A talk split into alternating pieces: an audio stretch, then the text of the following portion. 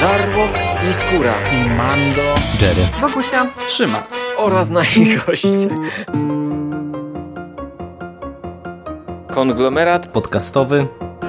Wasze ulubione podcasty w jednym miejscu. Zapraszamy. Zapraszamy. Zapraszamy. zapraszamy. Zapraszamy.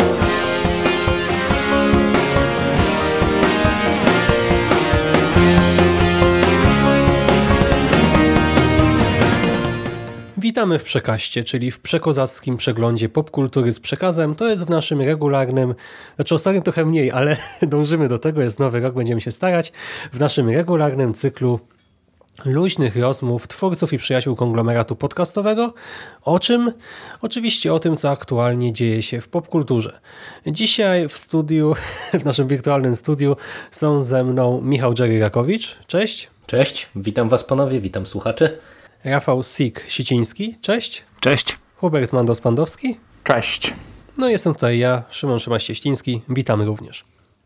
Zaczniemy tradycyjnie, myślę, od y, trailerków i na początek zrobi nam się taki mały blok Marvelowy, bo w końcu ukazał się ti, y, właśnie nie teaser, już taki trailer y, Spidermana, tego drugiego Spidermana w ramach MCU, czyli Far From Home. Y, w końcu się ukazał, bo on był wyświetlany jakoś wcześniej na chyba Comic-Conie w Brazylii, jeżeli się nie mylę, ale wtedy jakoś nie wyciekł online i teraz w końcu cały świat mógł go poznać, no i podzielmy się może naszymi wrażeniami. Jak tam? Czekacie na film jeszcze bardziej, czy może mniej, czy może ani was to ziębi, ani grzeje? Znaczy to jest cały czas teaser, trailer, tak to się nazywa, nie? Teaser, trailer. Tak? E, no tylko to taki dłuższy teaser, to nie, nie ten taki 30-sekundowy czy coś, bo, bo takie dwuminutówki to też są czasami teasery. E, jeśli na przykład za dużo nie mówię ci o fabule, chociaż ten akurat całkiem sporo mówi. E, ja wam powiem, że kurczę, ja się zacząłem zastanawiać, czy nie, czy nie przestać omawiać tych e, trailerów MCU, bo ja po każdym trailerze mam identyczne odczucia i zero do powiedzenia tak naprawdę. Mam wrażenie, że te trailery to są dla takich, wiecie, geeków komiksowych, którzy sobie wyłapują teraz e, fajne rzeczy. O, tutaj ten e, ma akwarium na głowie, o, a tutaj to wygląda tak, a, a dla, dla przeciętnego odbiorcy, a ja mimo wszystko uważam siebie chyba za przeciętnego odbiorcę, to jest kolejny taki sam trailer, e, niczym nie różniący się, w zasadzie niczym mnie nie za, zachęcający, nie rzucający na kolana. E, I jak ja mam w każdym przekaście to samo mówić, to to jest bez sensu. No to ogólnie to będzie fajny film i ja go obejrzę w kinie. Ale trailer, nie wiem, rzucił was czymś?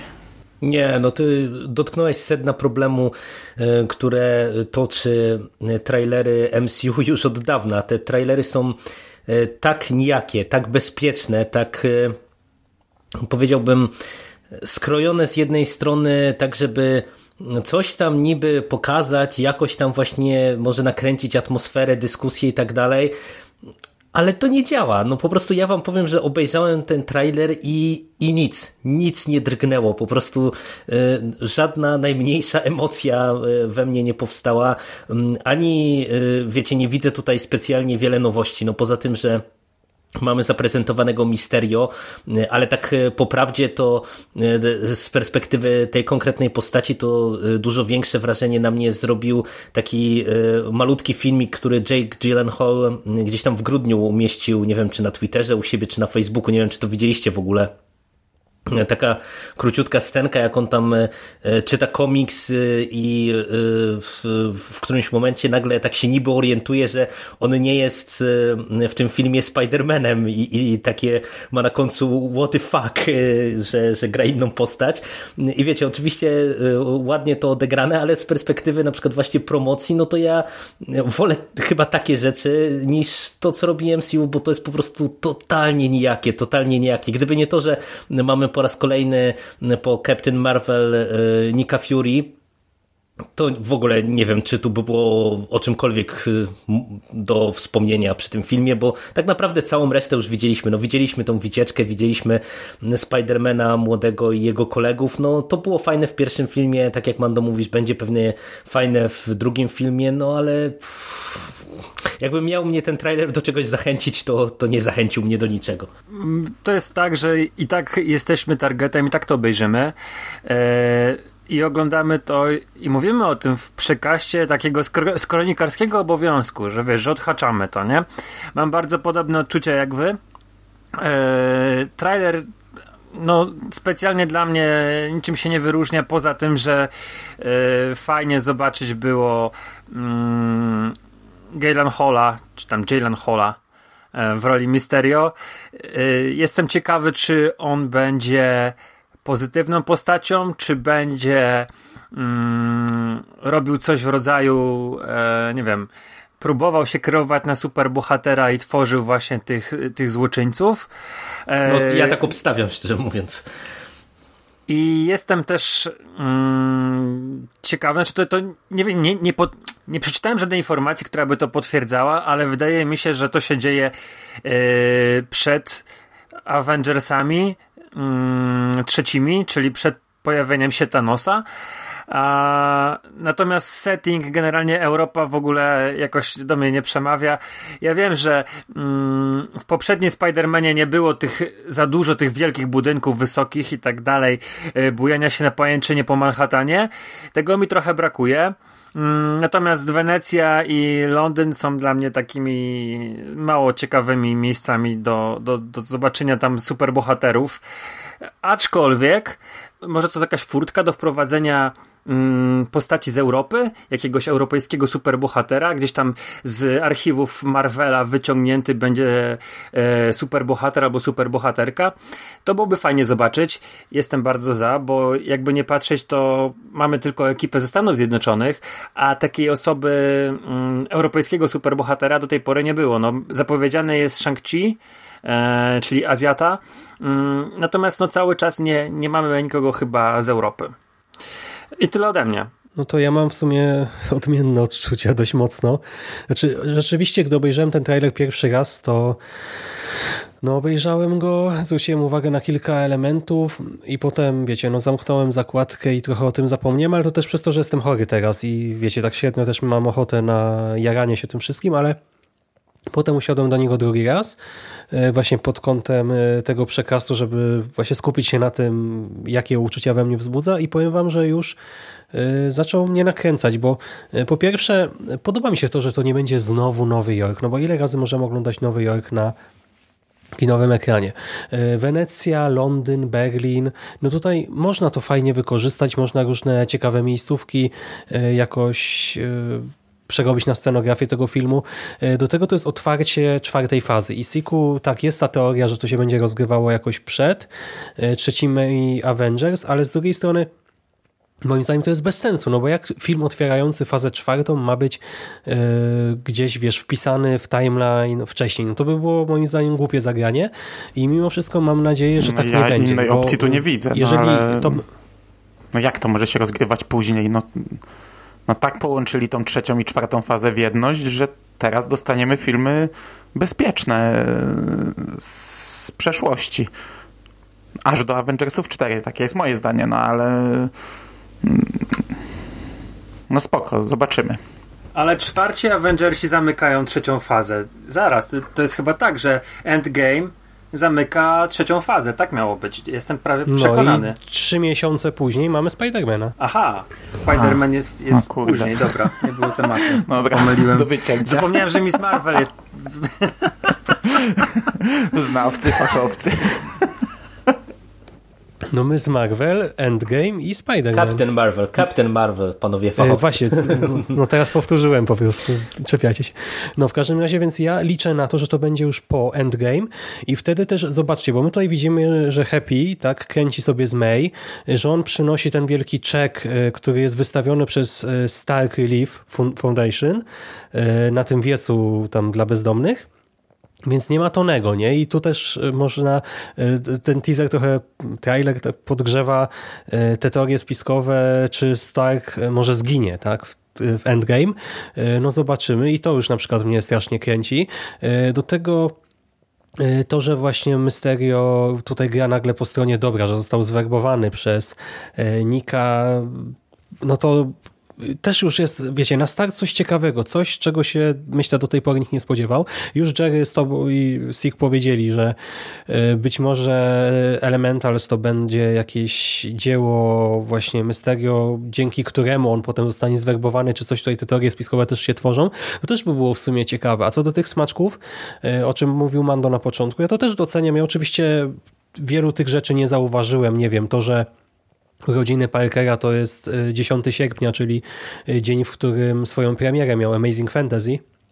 15 w 62. E, no dla mnie super jest to, że w takim króciutkim właśnie teaserku, trailerku jest tyle smaczków. Są to urodziny Parkera, jest ta walizka, na której mamy BFP, tak, że Benjamin Francesco Parker, że to jest teczka wuja Bena, masę takich innych rzeczy. No dla mnie bomba w takim krótkim materiale.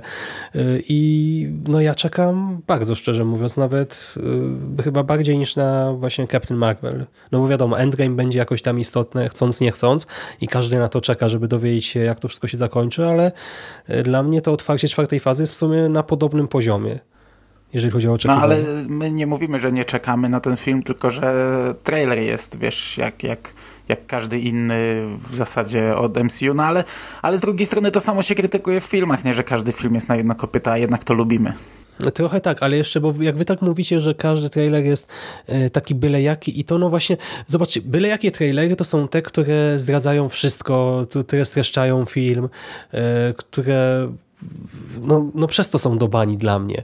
E, a tutaj jednak to, że w ogóle wiecie, że ten właśnie trailer nie zdradza nam za wiele, że tak bardziej nas bejtuje, nie? że to jest taki haczyk dla nas, no to dla mnie to już jest no, zaleta. ale ja się z tą zgadzam, to no, nie jest byle jaki trailer, po prostu on mnie niczym nie ruszył, nie? No obejrzałem, spoko, czekam na film, obejrzę film, wszystko w temacie z mojej strony, ale zgadzam się, to nie jest byle jaki trailer, po prostu. Ja tak jak Jerry, nic u mnie nie drgnęło podczas tego trailera. Jeszcze my teraz właśnie z Mando trochę tych komiksów czytaliśmy, nie? No i to, że tutaj MJ powraca i że ta relacja jakoś się może zawiązać, że nie wiem, mamy ten, tę krótką scenkę e, z Flashem, tak, który tam ciśnie Parkerowi, jednocześnie chwali Spidermana. E, to, że mamy ten kostium, e, taki stealth suit tego Spidermana Noir być może, ten ze skrzydełkami. Kurczę, to jest masa takich fajnych smaczków dla ludzi, którzy w tym siedzą i dla ludzi, którzy e, właśnie po tym filmie będą mogli coś wynieść z takich ciekawostek narodowych. Wiadomo, to jest trochę wiedza bezużyteczna, no ale jednak wszyscy, którzy tutaj siedzimy, no jaramy się tym w jakimś stopniu, więc dla mnie to jest dobry trailer i wzbudza we mnie same fajne emocje. Natomiast obejrzałem też e, polski trailer. O dziwo on jest z napisami. Ostatnio coś taka tendencja Marvel Studios, że nie dają trailerów z dubbingiem. Nie mam pojęcia dlaczego. Jeśli jakaś tam była decyzja znana, to mnie to ominęło, ale bardzo mnie to cieszy, że mamy polskie trailery z napisami. E, natomiast nie wiem, czy oglądaliście, on się różni od amerykańskiego całą pierwszą sceną. Nie ma tej sceny z Happym i z ciocią May. Jest natomiast scena, gdzie Peter na lotnisku podaje walizkę, e, pani ją otwiera, a on na samej górze ma kostium Spidermana, zapomniał go schować jakoś i tam jest przerażony. Nie, nie, nie, Mando, bo przecież on go nie schował, bo on miał dosyć po Endgame e, i po Infinity War i on nie chciał być superbohaterem, chciał pojechać na wycieczkę, ale ktoś mu go wsadził do teczuszki, ktoś komu teraz nie przeszkadza, że jest superbohaterem. No to to nie wynika z trailera. E, natomiast e, ale w trailerach widzimy, że on go nie wsadza, tak? Czyli no, ktoś mu go musiał do. Natomiast mnie się nie podoba do końca ten żart. Znaczy ja nie lubię tych żartów, wiesz, Europa debile, gdzie tam on się martwi, że zaraz go odkryją, że jest Spider-Manem, a tu pani w mundurze yy, na lotnisku i no bananas, no bananas, nie? To takie, ja, ja nie przepadam za takimi żartami, więc... więc znaczy, to jest I akurat taki, akurat taki trailer do, do, do, do Polski, nie? Wiesz, ja, ja rozumiem, że Amerykańcy się śmieją, że Europa za ścianek zacofane, nie wiadomo gdzie to w ogóle na mapie jest, na, na globusie, ale akurat do Polski nabijanie się z Europy, no i, za, i... Ale to jest international trailer, to o czym ty mówisz, więc no w sumie rzeczywiście trochę w to. No dobra, to co? E, jeszcze właśnie, skoro mówimy o Spider-Manie, to pojawiły się plakaty i z, właśnie ze Spider-Mana i z Captain Marvel. Z Captain Marvel nie wiem ile ich jest, 8 czy coś, jakoś tak bardzo dużo, z każdą z postaci takich ważniejszych. Bardzo tradycyjne jak zawsze, wyglądające jak, jak wszelkie tego typu teaser posterki e, od MCU.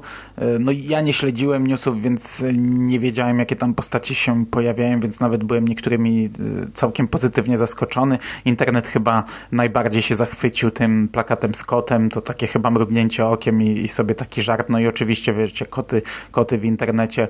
Mm, się sprzedają w każdej formie, więc y, Marvel wypuścił plakat z kotem, więc wszyscy, y, wszyscy oszczani leżą na kolanach i, i, to, i to w zasadzie y, tym można podsumować tę ten całą mm, kampanię plakatowo-postaciową od Marvela. Hmm.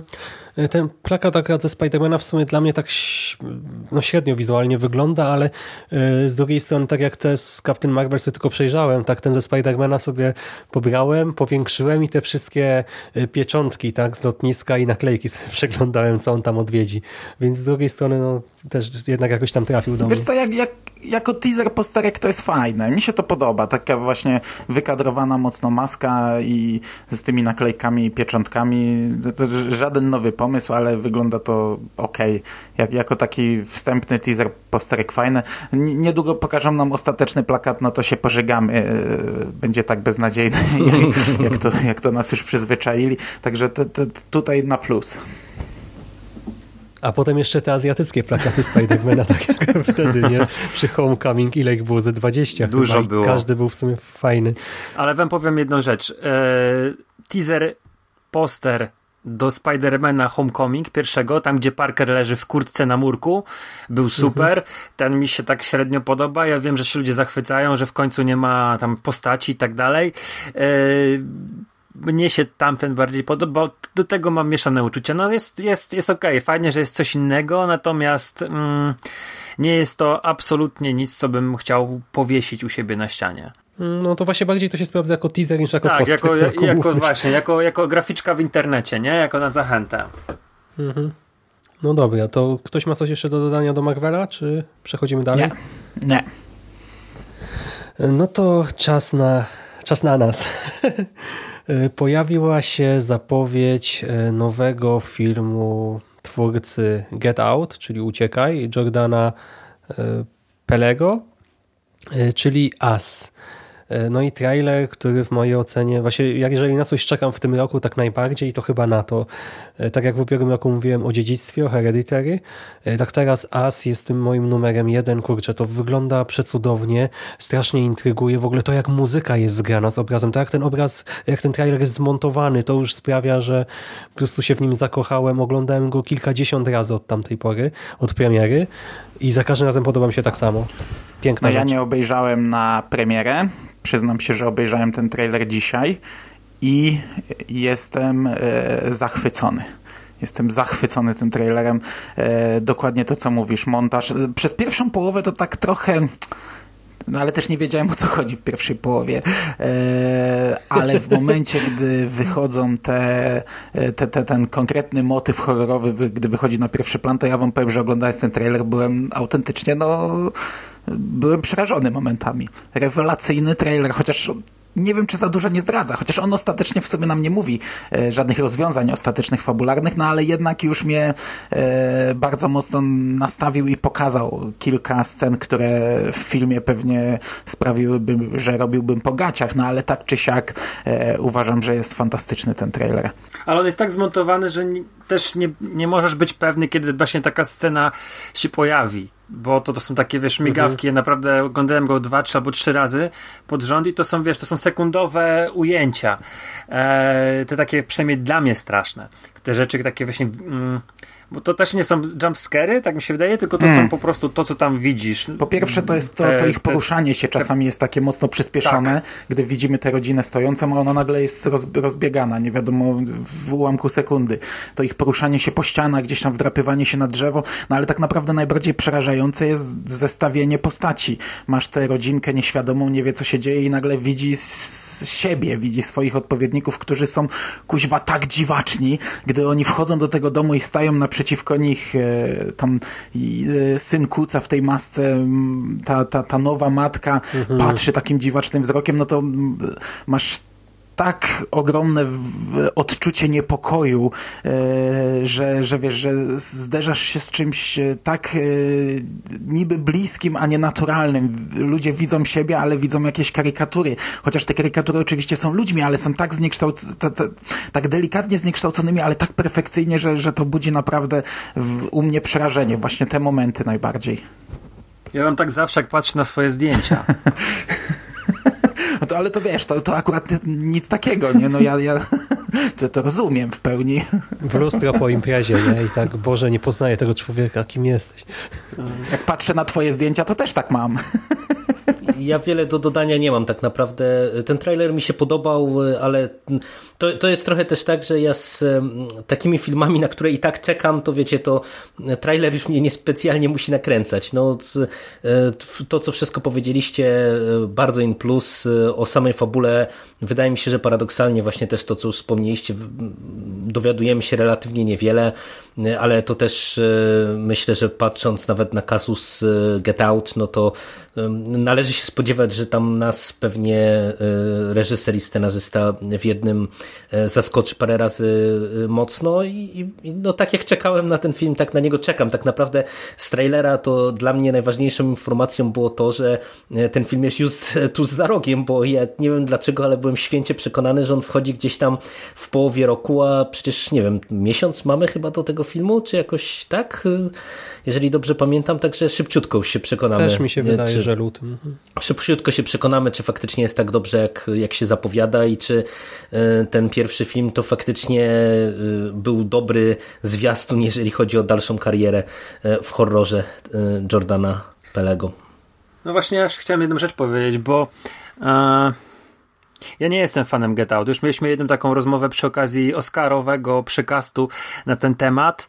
E, Im więcej rzeki, wody, wody w rzece wy- upływa, tym ja mniej go lubię, ale teraz nie będę go krytykował. Natomiast mm, facet, który był komikiem, e, zaczyna robić filmy, które są, no, wpisują się w, te, w, naszą, w naszą taką, w grunt naszego zainteresowania, czyli w horrory. I mam wrażenie, że dopiero ten będzie dobry, bo mm, o ile Get Out, no, mam bardzo dużo do zarzucenia, ale to też dlatego, że mm, yy, jest po prostu, nie chcę tutaj wychodzić na, na, na, rasistę, ale po pierwsze nie wpisuje się jakoś tam w mój światopogląd za bardzo, a druga rzecz, że jest głupi, Natomiast ten wydaje mi się takim po prostu stricte horrorem, który prawdopodobnie nie będzie miał do siebie dopisanej żadnej ideologii i, i tutaj będę bardzo zadowolony, jak będę to oglądał. A ja właśnie nie wiem, czy nie będzie tam. Znaczy może nie że stricte w fabule, e, ale już czytałem taki wątek na Reddicie, że może jednak też będzie Znaczy, wie, wiecie co, ja wam powiem, że sens. wydaje mi się, że to czy dla mnie to by było wręcz zaskakujące, jeżeli by tego ukrytego sensu jakoś tutaj nie było, no bo tak naprawdę motyw, motyw y, y, ten, który tutaj mamy jako ten wątek przewodni, Czyli, y, wiecie, takie lustrzane odbicie nasze, no to aż się prosi, y, żeby coś y, do tego dobudować, e, dopisać i, i e, stworzyć coś e, ciekawszego i wydaje mi się, że tutaj naprawdę akurat po tym scenarzyście to się spodziewam, że tutaj to drugie dno zdecydowanie otrzymamy. Okej, E, to jeżeli to nie będą klony zrobione przez białych, bogatych ludzi, którzy chcą e, zniszczyć e, jakąś tam mniejszość czarnoskórą, jeżeli to nie będzie takie rozwiązanie, to i tak będę usatysfakcjonowany. Jeżeli to będzie, wiesz, gdzieś coś za, zaawuluowane, zakamuflowane, e, po prostu o, o to mi chodzi, wiesz? No, tyle. No, spoko. W ogóle rozumiem. to, ale to będzie bardzo stereotypowy horror, bo pewnie pierwszy zginie czarnoskóry, nie? A nie, to nie jest rodzina białych, no, na więc nie plakacie wiadomo, masz białe ręce, nie? Plakat tego filmu to są białe ręce z nożyczkami y, chirurgicznymi. A to nie są Jedna jest rękawiczki jakieś? rękawiczka, ale druga jest chyba, jeśli się nie mylę, e, ręka bez rękawiczki, ale to e, dosłownie w trzy sekundy ci to potwierdzę. E, widać palce wystają z rękawiczki i są one białe. Do tego na filmie widzimy, na trailerze widzimy taką blond dziewczynę właśnie z tymi nożyczkami, która przykłada sobie czubek tych nożyczek do skroni, e, więc e, nie wiem co to jest za postać, no ale skoro trafiła na plakat, to chyba istotna. Skoro mamy nożyce hi- ja jakieś patrzę na chirurgiczne, ten to... plakat i to są, to są ręce czarnoskórej Sorry, kobiety. no widzę na miniaturce, więc Tam są, e, to są ręce czarnoskórej kobiety, a to co widzisz, że jest białe, to są wewnętrzne części e, opuszki kciuku. Dobrze. No ale tak czy siak biała postać pojawia się i to jest na 100% w trailerze blondynka, biała kobieta przykładająca sobie te właśnie nożyczki do skroni, dlatego połączyłem te dwie postaci, e, zarówno tą z plakatu, jak i, jak i z trailera. Dobra, nie chciałem wywołać tej analizy. E, no dobra, no to na As wszyscy czekamy, a teraz ręce w górę, kto czeka na Men in Black. Ja wam Ja powiem, nie- że tak ja jak nie nie, czekałem, ręki. Nikt nie podniósł. Nie, ja, ja jak e, nie czekałem, to tak e, ten, ten trailer e, mnie zachęcił, ale zachęcił mnie tak naprawdę jedną podstawową rzeczą, obsadą, bo ja lubiłem Men in Black, nawet uważam, że ta trójka zrobiona po latach to wcale nie jest taki zły film.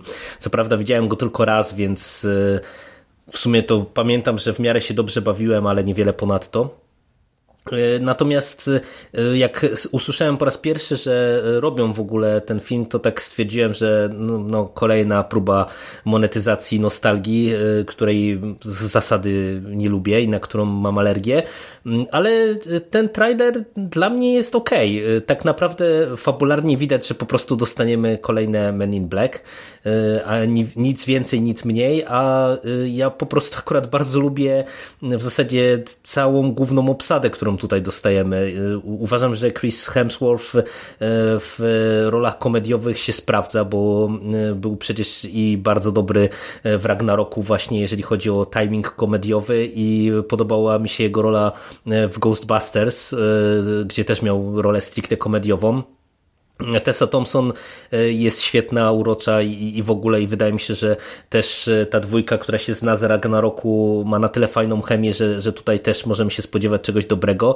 E, Mamy tą starszą europejską gwardię z Emmą Thompson, która wygląda fantastycznie na tym trailerze z Liamem Neesonem i, i wiecie co, ja naprawdę z przyjemnością myślę, że dla tej obsady właśnie ten film zobaczę. Nie spodziewam się żadnych fajerwerków, nie, myślę, że nie będzie to nic odkrywczego, wręcz odwrotnie, że po prostu dostaniemy tak naprawdę odgrzewany kotlet, ale jak będą mi serwować odgrzewane kotlety y, w takiej formule, czyli z taką dobrą obsadą, to, to mogę od czasu do czasu się też y, i pochylić nad czymś takim. A tutaj ma grać Rebecca Ferguson? Tak mi IM- IMDB podaje. Znaczy jest wymieniana przez No, IMDb, ale nie podaje kogo. nie wiadomo, bo nie ma postaci, nie? A podaje ją na pierwszym miejscu. No, ale- No jest, No jest. tak, no jest mówię, na pier- Znaczy, no, pierwszym no, miejscu wiecie, to może podaje. być głos, nie? No wiecie, jak jest Aha, no, no, in no, no, Black, no. że tam... Znaczy akurat No, w tym może trailerze, w tym trailerze kosmitów strasznie mało, ale ja wam powiem tak, że e, mnie ten trailer absolutnie do niczego nie zniechęcił, ja nawet nie wiedziałem, że ten film powstaje. E, Ja miło wspominam e, pierwsze dwie części, trzeciej chyba nie widziałem, nie przypominam sobie, żebym ją widział, tylko że to nigdy nie były takie filmy, które, na, na które ja bym, nie wiem, biegł, żeby je obejrzeć. W tamtych czasach możliwe, że w kinie je obejrzałem, ale e, też wybór był mniejszy, a bardziej mi się to kojarzy z początkiem e, piractwa internetowego w Polsce, gdy te pierwsze DivXy wychodziły i ludzie wysyłali sobie płyty z filmami, to faceci w czerni wtedy byli gdzieś tam jednym z pierwszych filmów, które każdy w zasadzie miał i a że wtedy się miało, wiesz, pięć filmów czy dziesięć na krzyż, to się oglądało, więc tych facetów w czerni trochę, trochę katowałem w tamtych czasach. E, No ale ten trailer spoko, dla mnie, dla mnie fajny, ale ja na ten film nie będę szedł do kina i nawet nie wiem, czy będzie mi się chciało w domu go obejrzeć, także e, ja na niego absolutnie nie czekam. Natomiast e, szalenie mnie ciekawi, jak będzie wyglądał polski tytuł w momencie, gdy jedną z facetów w czerni jest kobieta i jak sobie teraz z tym, z tym poradzą w Polsce. Ja uwielbiam franczyznę. Jedynkę widziałem niezliczoną ilość razy, dwójkę również, trójkę kilka razy. E, Na wszystkich byłem w kinie i to jest tak, że ja bardzo lubię Willa Smitha i trochę boleję nad tym, że go tutaj nie zobaczę. Mm, I obejrzałem ten trailer i nie poczułem absolutnie nic. Tak jak Mando wspominał przy okazji trailera Super, y, Super Spidermana, tak ja tutaj, wiesz, wiecie, z, z, filmy, które uwielbiam e, i który powinien mnie tak ruszyć, wiecie, być nahypowany powinienem, e, jak go obejrzę, obejrzałem i, i doczułem się taki trochę, nie wiem, zawiedziony tym, co zobaczyłem. Niby wszystko jest, e, ale absolutnie mnie to nie ruszyło i, i pewnie pójdę do kina ale tak no, z ciężkim sercem, bo właśnie nie ma Willa Smitha. Ja, ja po prostu agenta Jaya uwielbiałem i, e, no i będzie mi go bardzo brakowało. Natomiast jeszcze przy okazji tego factu w czerni mm, trzeciej części, to powiem, że tam dostaliśmy e, taką, nie wiem, czy też może mówiłem przy okazji e, filmu o Lobo zapowiadanego, ale tam dostaliśmy takiego właśnie Borysa, Borysa Bestię i Borys Bestia grany przez e, Klementa, to jest właśnie Lobo, taki no nie jeden do jednego, ale tak, tak mógłby właśnie Lobo wyglądać w filmie, jak właśnie Borys Bestia e, w Facetach w czerni trzeciej części. Ja, ja, ja, ja, ja wam powiem, że znaczy lubiłem pierwsze dwa filmy, trzeciego chyba nie widziałem do tej pory, albo nie kojarzę. Chyba nie, może gdzieś jakiś fragment, jak gdzieś leciał w telewizji czy coś. E, ale teraz ten trailer też jakoś, no obsada jest w porządku, ale fabularnie mnie totalnie nie kupił. W sensie nic po prostu we mnie nie zadrgało nawet, tylko też pomyślałem sobie o fajna obsada i trailer się skończył i tyle. I szczerze mówiąc chwilowo nie czekam. Może będą dalsze materiały, tak, które jakoś mnie zachęcą, ale na tym etapie jest mi to totalnie obojętny film. I tyle. Ech, no dobra, a co z Ghostbusters? Bo też pojawił się teaserek, najpierw jakiś tam newsik, tak? Przepłynął po różnych portalach, że będzie Ghostbusters 3, jak gdyby nowi pogromcy duchów. I potem pojawił się teaserek. No i co tutaj powiecie? Czy tutaj coś was zadergało w tym przypadku? No, mi y, y, lekka irytacja zatykała, bo ja wam powiem, że ja jestem y, dużo bardziej na nie w tym przypadku niż w w przypadku tego y, przez wielu cały czas odsądzanego od czci i wiary remake'u z 2016 roku, bo ja widziałem tych aktorów w cameo właśnie w tamtych pogromcach duchów.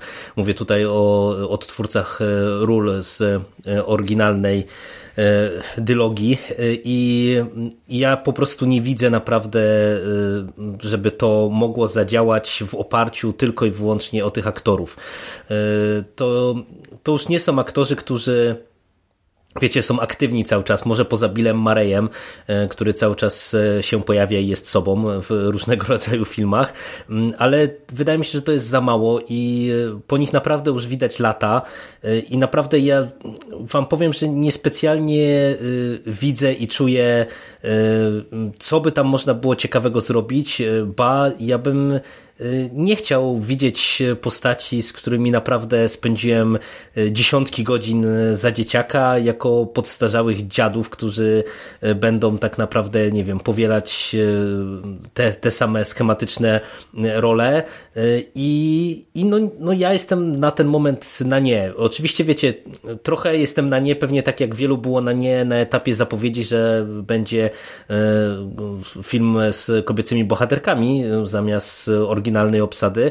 E, i tu się jeszcze może wiele zmienić, bo tak naprawdę no, zobaczymy przy pierwszych doniesieniach właśnie o castingu, o fabule, w jakim kierunku to może pójść, bo ja też widzę opcję taką, że po prostu to są, e, to będzie taki film, że tutaj e, będziemy mieli Pogromców Duchów 3 na zasadzie takiej, że wiecie, ta oryginalna obsada to tam tak naprawdę będzie jakiś tam y, dziesiąty plan, a tak naprawdę dostaniemy zupełnie jakiś nowy skład i, i, i to I tak wszystko. Tak będzie. Gdzieś mi się dzisiaj taki Jeżeli tak to będzie rozwiązane, no to to okej, okay, to jeszcze no zobaczymy w jakim kierunku to pójdzie, no ale, ale póki co ja jestem raczej na nie.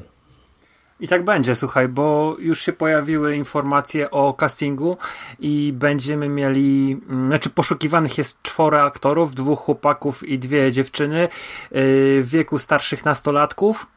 I z tego, co mm, takie przecieki wyszły, to e, Reitman nie będzie robił, będzie to sequel do oryginalnych dwóch filmów, natomiast nie będzie bazował na postaciach e, oryginalnych pogromców, czyli nie będziemy mieli Wenkmana, nie będziemy mieli e, mm, Igona, bo Igon no to, to Harold Ramis grał go, no to już nie żyje, ale prawdopodobnie nie pojawi się też e, Zidmur, nie pojawi się Stens, także Mm, Czyli jednym słowem będziemy mieli e, sequel oryginalnych filmów, który nie będzie miał z nimi nic wspólnego poza tytułem. Tak, jeżeli to, tak, jeżeli, jeżeli tak, to tylko w jakichś tam, tak jak powiedziałeś, małych rolach.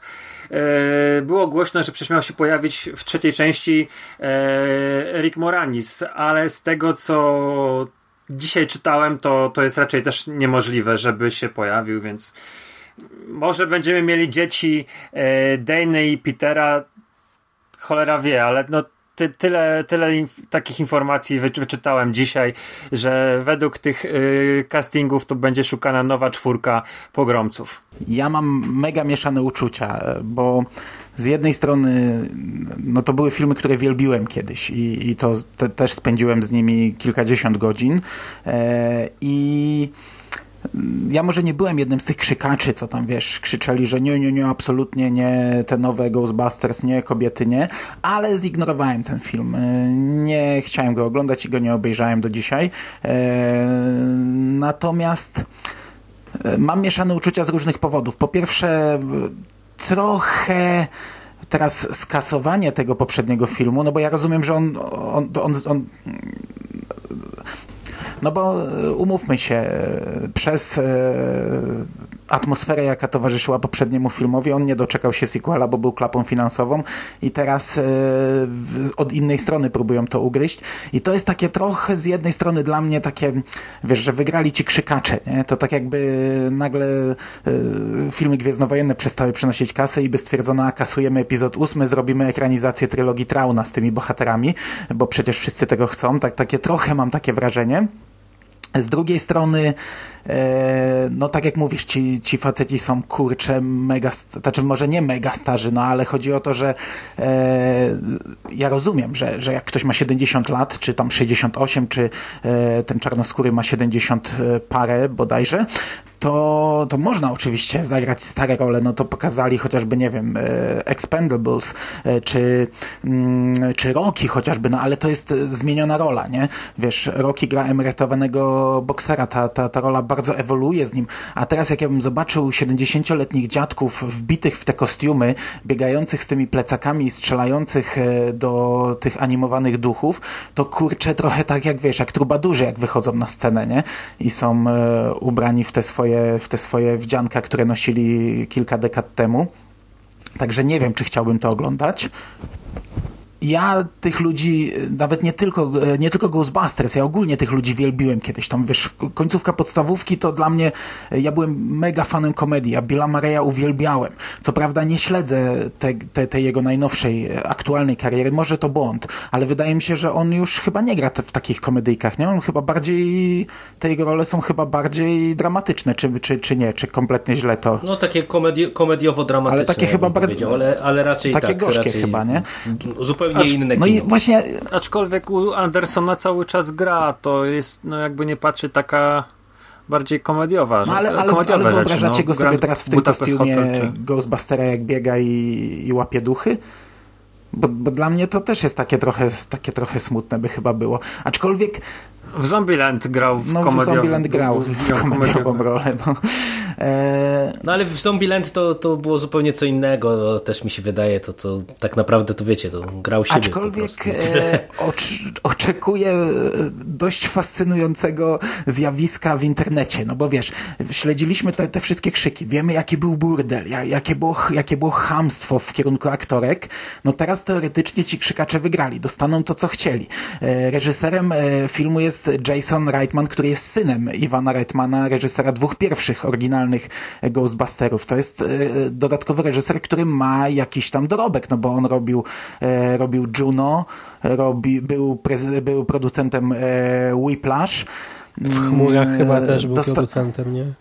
Dostajemy oryginalną obsadę żyjącą, no nie całą, ale, ale tych głównych bohaterów dostajemy. I teraz, wiesz, ja już widziałem, już widziałem komentarze, że wiesz, o, kasują tę te, te, te beznadziejną babską wersję, wreszcie ktoś poszedł po rozum do głowy, a ja się obawiam, że ten film nie będzie mimo wszystko dobrym filmem. I coś czuję, że, że będziemy świadkami wielu zmian zdania, no bo nagle, nagle ci ludzie, którzy, którzy wiesz, krzyczeli w internecie dajcie, dajcie nam prawdziwe Ghostbusters 3, zderzą się z, z filmem, no wydaje mi się, że, że, że filmem, który dobry nie będzie, ale, ale miejmy nadzieję, że tak, się będę mylił. Słowo, słowo y, komentarza jeszcze tutaj do tego, co mówisz, to tak mi przyszło do głowy, że nie, nie chcę być złym prorokiem, ale y, ci nowi, prawdziwi pogromcy Duchów 3 to może być coś takiego, jak było y, Niezniszczalni 3, że wiecie, że mhm. nagle dostaniemy zupełnie anonimową młodą gwardię, która po prostu się nie sprawdzi w, w, tym, w tym filmie i też to takie będzie no, mocno dyskusyjne w, w kontekście efektu końcowego. Hmm. No ja wam powiem, że ja właśnie też mam mocno mieszane uczucia, raczej jestem na nie. Znaczy, kurczę, no pogromcy duchów się skończyli dawno, dawno temu, teraz mamy dostać sequel po ilu? Po 34, 5, 6 latach czy coś? E, po 35, więcej, no, Boże, 35 nie, lat. Więcej, jest 35-lecie, to jest film z 1984. No ale sequel jest okay. 89? No dobra, no ale no... Aha. No dobra, no ale z 89 no to też no 30 lat, tak? I nagle sequel nie wiem, trochę, zwłaszcza jeżeli to ma być taki e, niby bezpośredni sequel w jakiś sposób, no nie wiem, przeniesiemy się właśnie w czasie czy coś, ale e, nie czuję tego. W ogóle dla mnie ten pomysł jest jakiś taki od czapy. E, to, że właśnie mówią o tym, że tych starych aktorów chcą wykorzystać, ale z drugiej strony żaden z nich tego nie potwierdza, to już Sik mówi, że są jakieś nowiny, to się pewnie będzie zmieniało teraz co dzień, co dwa, w ogóle ten teaser teraz, jak oni nawet właśnie jeszcze castingu nie zrobili, wakacje dopiero mają to kręcić, to jest też bez sensu, no bo po co teraz podgrzewać atmosferę, jak nic nie wiadomo, w sumie się połowa osób ni to ziemi, ni to parzy, połowa będzie po prostu hejtować ten film e, z 2016, tak? E, ten Reitman e, młodszy, tak Jason, e, no on niby ma coś w swoim dorobku ciekawego, ale nadal w ogóle nie wiem, no nie skojarzyłbym go z tego typu produkcji, jakoś nie widzę go przy tego typu kinie do końca. Scenariusz ma pisać niby, czy też być współtwórcą Jill Kennan, który napisał scenariusz, nie, on chyba napisał scenariusz i wyreżyserował nie, chwilę, on nie pisał scenariuszy. On wyreżyserował Straszny Dom, e, wyreżyserował Poltergeista tego nowego i on ma chyba być, e, albo był, e, przy tej ekranizacji Five Nights at Freddy's on coś tam miał grzebać, albo już grzebał, nie wiem, szczerze mówiąc. Ale też w ogóle, no okej, okay, no straszny... Straszny dom, no też komedyjka i to Poltergeist, no niby klimaty horrorowe, duchy, ale też nie wiem, w ogóle jestem raczej na nie na chwilę obecną. Może jak będą jakieś dalsze newsy, ale nie, chyba mi tak naprawdę chyba w trzy Sorry. dni mignęły trzy newsy, właśnie wszystkie z Bloody Disgusting. Pierwszego dnia, że będzie Ghostbusters 3, które będzie e, kontynuacją oryginalnych filmów, bo ja wcześniej żadnej takiej zapowiedzi nie słyszałem. Drugiego dnia pojawił się ten teaser, mhm. a dzisiaj mi mignęło to, że szukają, czy że jest casting na czterech nowych aktorów. Wchodząc w IMDB, no niby masz ten 2020 rok, ale tak podaje teaser, ale to jest, e, to ma tytuł e, niezatytułowany projekt Ghostbusters i tutaj poza poza reżyserem i scenarzystą nie ma nic, żadnych aktorów podanych, więc sam teaser też nam nie mówi, kto z oryginalnej obsady tam wystąpi, więc, e, więc to na razie to jest taka jedna wielka niewiadoma. Ja wam powiem, że mnie ten teaser się podobał, on, znaczy on, on nic nie pokazuje, no, no, leci kamera do szopy i odsłania się e, samochód e, Ghostbuster, e, Ghostbusterów, e, ale ja mimo wszystko poczułem pod Jarkę, no jak się pojawia potem ten e, napis, tytuł i, i rok i, i to wszystko z tym takim strzeleniem e, jakby z, jakby z tych, z tych, z tych, no kurde, no ja mimo wszystko poczułem się podjarany, ale wiesz, e, nie, nie zaślepia mnie to, no, no zdaję sobie sprawę, że ja tego trochę nie widzę, bo, bo okej, okay, można zrobić film, gdzie Stara Gwardia schodzi na drugi plan, wprowadza nowych, no pokazały to nowe Gwiezdne Wojny, nowe Gwiezdne Wojny zostały w taki sposób zrobione, żeby Stara Gwardia zeszła na drugi plan, wprowadziła nowych bohaterów, a, a, a starzy bohaterowie sobie umarli w trakcie e, tych, tych nowych Gwiezdnych Wojen. I spoko, ja to kupuję, nie? Ale co innego widzieć e, do starego Marka Hamila w płaszczu Jedi, a co innego widzieć e, starego Billa Mareya, który nie wiem, co by tu robił, no bo to co on przekazuje ci plecak, młody, młody uczniu, bądź teraz ty łap duchy, o tutaj ten jakieś duszki sobie latają, no, no, no nie wiem, no kompletnie tego nie widzę. Ja, ja, ja jestem zafascynowany dwoma starymi filmami, ale dla mnie to nigdy nie było jakieś uniwersum. Ja, te, te filmy odniosły gigantyczny sukces, te filmy mają e, wielu bardzo oddanych fanów, ale to nie jest coś, co, co, co nie wiem, co trzeba rozbudowywać jak dla mnie e, o, o, kolejne filmy. No nie wiem, nie wiem, cały czas ten nowy film, jak, ja go prędzej czy później obejrzę, bo mnie Jerry już tam dawno, dawno temu przekonał swoim podcastem, żeby po to sięgnąć. Szczególnie jeśli, wiesz, chciałbym się gdzieś wypowiadać w internecie, bo staram się nie wypowiadać e, na ten temat póki go nie obejrzę, ale to, to, to ja nie czuję potrzeby ani tamtego filmu, ani tego teraz, ta, ta, ta, ta trójka, no kurde, no gdyby to był fajny film, to byłbym w niebo wzięty, ale obawiam się, tu wszystko, wszystko zwiastuje, że to nie będzie dobra rzecz. Hmm, chyba do franczyzny wchodzą jeszcze, wchodzi jeszcze animacja. Ale wiesz co, ja, e, ja w, cały... w 90% mm. to odrzucam takie rzeczy. W przypadku Gwiezdnych Wojen Aha. inna bajka, ale na przykład, nie wiem, Star Treka animowanego też mi się nigdy nie chciało oglądać. Eee, jakoś nie, nie wiem, chyba tylko właśnie Gwiezdne Wojny i to ten e, nowe seriale, które, znaczy nowe, no powiedzmy z ostatnich 10 lat, bo tam kiedyś też przecież miałeś animacje i Łoki, droidy i tak dalej. Eee, mhm jakoś, jakoś nie wiem. Ja wiem, że jest animacja i nawet chyba ją widziałem, ale albo, albo jakieś fragmenty widziałem, ale y, nie, to, to nie bardzo dla mnie. No dobra, no to y, skoro już Mando o tych Gwiezdnych Wojnach No bo kurczę, mamy pierwszy chyba przekaz, zrobimy... gdzie nie ma Gwiezdnych Wojen, no... No to dobrze, no to zróbmy A, w sumie są Gwiezdne Wojny faktycznie, filmowych. dobra, miało ich nie być, zapomniałem. I... I przejdźmy do bloku książkowego, e, tak dla urozmaicenia. No i już, Mando, co tam w Uroborosie słychać? Jerry, może ty coś słyszał? Dla urozmaicenia porozmawiamy o Uroborosie. E, dwa zdania dosłownie, czy mam nadzieję, że dwa zdania. E, pół godziny później. Już zdążyłeś jedno. Uroboros ogłosił swoje oficjalne zapowiedzi, znaczy oficjalne zapowiedzi. Oni to cały czas podkreślają, że to nie są ich zapowiedzi, tylko to są ich plany, czyli coś, co chcieliby wydać, niekoniecznie będzie wydane, bo im się bardzo mocno dostaje... Dobrze, dziękujemy. Do następnego punktu. Im się bardzo mocno dostaje rykoszetem e, każde przesunięcie, dlatego e, starają się to podkreślać, że to jeszcze nie jest plan. No i e, w, w 2019 roku dostaniemy teoretycznie pięć książek z kanonu, w tym jedną adaptację, czyli tak naprawdę cztery książki z kanonu e, i cztery książki z legend. Czyli, czyli tak pół na pół mniej więcej. Jedną już dostaliśmy kanoniczną i to będzie tak. Ostatni strzał, nowy Traun, adaptacja Hanna Solo, zbiór opowiadań Cantobite i teoretycznie drugi Traun. Natomiast z legend e, drugi Traun niekanoniczny, trzeci Traun niekanoniczny, Dart Plagueis i pierwszy Dart Bane. I... Mm, i czy ty, Jerry, chciałbyś coś o tym powiedzieć? Znaczy tak naprawdę e, niewiele, bo my trochę o tym e, żeśmy wspominali przy okazji e, tego podcastu naszego o, o tym pierwszym niekanonicznym traunie. Dla mnie to jest ogólnie dziwny ruch. Szczególnie, że y, tutaj y, w kwestii Trauna to będzie niezłe zamieszanie, no bo y, w ciągu jednego roku dostaniemy dwie powieści z kanonu i dwie powieści z legend i myślę, że to będzie wywoływało jakieś tam zamieszanie pośród czytelników, tym bardziej, że no wiecie, wydaje mi się, że to jest też tak, że poza takimi czytelnikami, którzy chłoną po prostu wszystko, mm, co jest z Gwiezdnych Wojen, ale to też trzeba pewnie założyć, że ci, y, szczególnie trylogię Trauna, y, już pewnie dawno temu czytali to z perspektywy takiego trochę y, przypadkowego, bardziej niedzielnego czytelnika, no to, to jest dla mnie nie do końca zrozumiały ruch. I z jednej strony dla mnie to jest w porządku, no bo ja nie czytałem legend książkowych, nigdy się za to nie zabrałem z różnych względów, a w zasadzie Uroboros idzie trochę takim trybem na razie, że wybiera te powieści, które uchodzą za te najlepsze.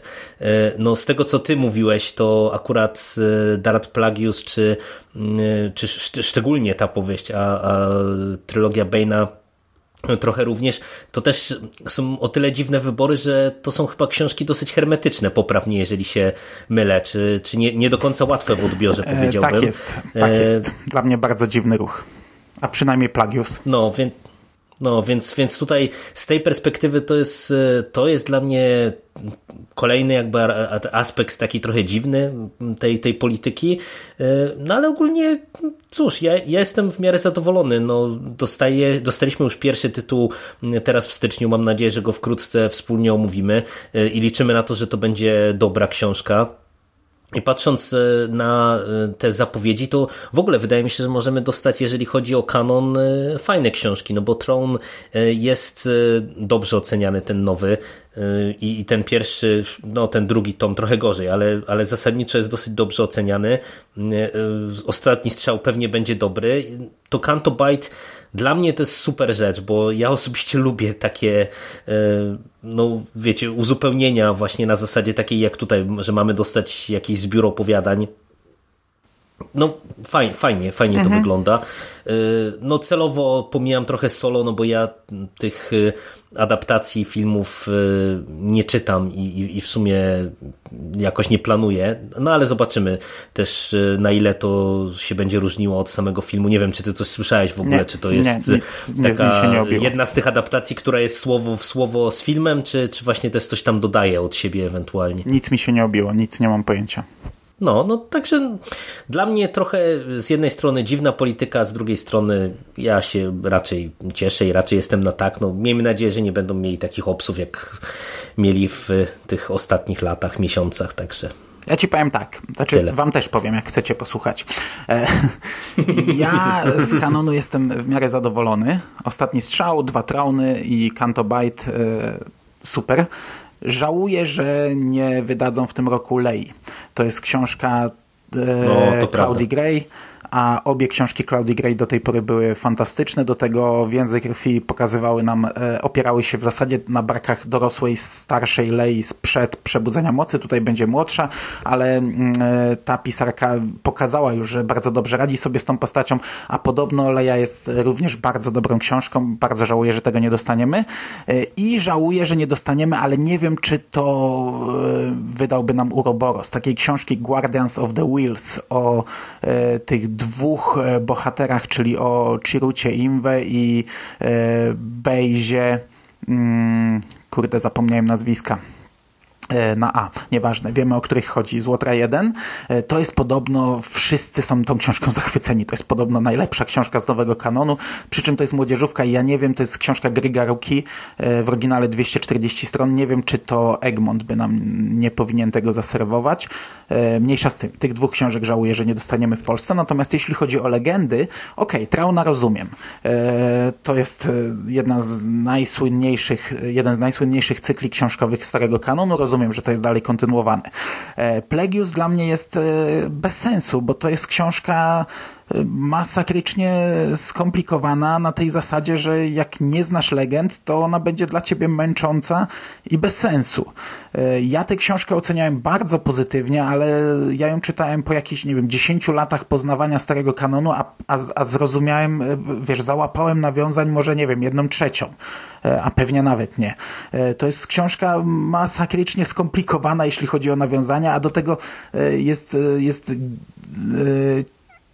powiedzmy ciężka w odbiorze, jeśli oczekujesz po Gwiezdnych Wojnach przygodówek, bo to jest e, e, książka napisana zupełnie innym językiem i poruszająca zupełnie inne, e, inną tematykę. Wydaje mi się, że to jest zły ruch i ja tutaj widzę coś e, takiego, co mi się nie podoba, e, bo Uroboros często zasłania się tym, że e, to są ich umowy z Disneyem, Disney każe im wznawiać te tytuły.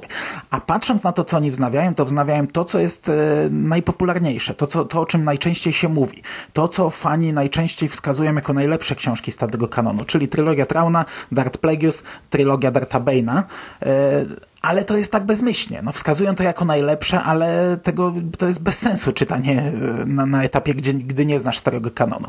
Darth Bane inna bajka, to jest całkiem okej, okay, wiesz, to się rozgrywa bardzo, bardzo dawno temu, to tam nie musisz znać kanonu. Ja miło wspominam tę trylogię i nawet z przyjemnością sobie do niej wrócę, aczkolwiek no, yy, nie potrzebowałbym jej wznowienia tak naprawdę, szczególnie, że yy, te książki mają katastrofalnie brzydkie okładki, a biorąc pod uwagę, że Uroboros korzysta z oryginalnych okładek przypadek, to te książki będą teraz w większym formacie, wiesz, z jakimś tam, mm, no nie wiem jak oni to zrobią tak naprawdę, bo, bo oni korzystają z oryginalnych napisów, czcionki i tak dalej, loga, takie same te, te książki będą wyglądały przeokrutnie źle. Nie wiem, czy kto, kto o zdrowych zmysłach, kto, kto właśnie wyszedł z kina z epizodu 9, czy tam jest najarany na epizod 9, sięgnie po taki drugi czy trzeci tom Darta Bane'a, który wygląda, wygląda jak wiesz, jak, jak takie naprawdę najtańsze science fiction y, sprzed kilku dekad. Y, I to, to jest jedyna rzecz, która mi się nie podoba y, w tej, w, te, w tej polityce Uroborosa, bo kurczę, jest kilka książek niewydanych jeszcze w naszym kraju ze starego kanonu.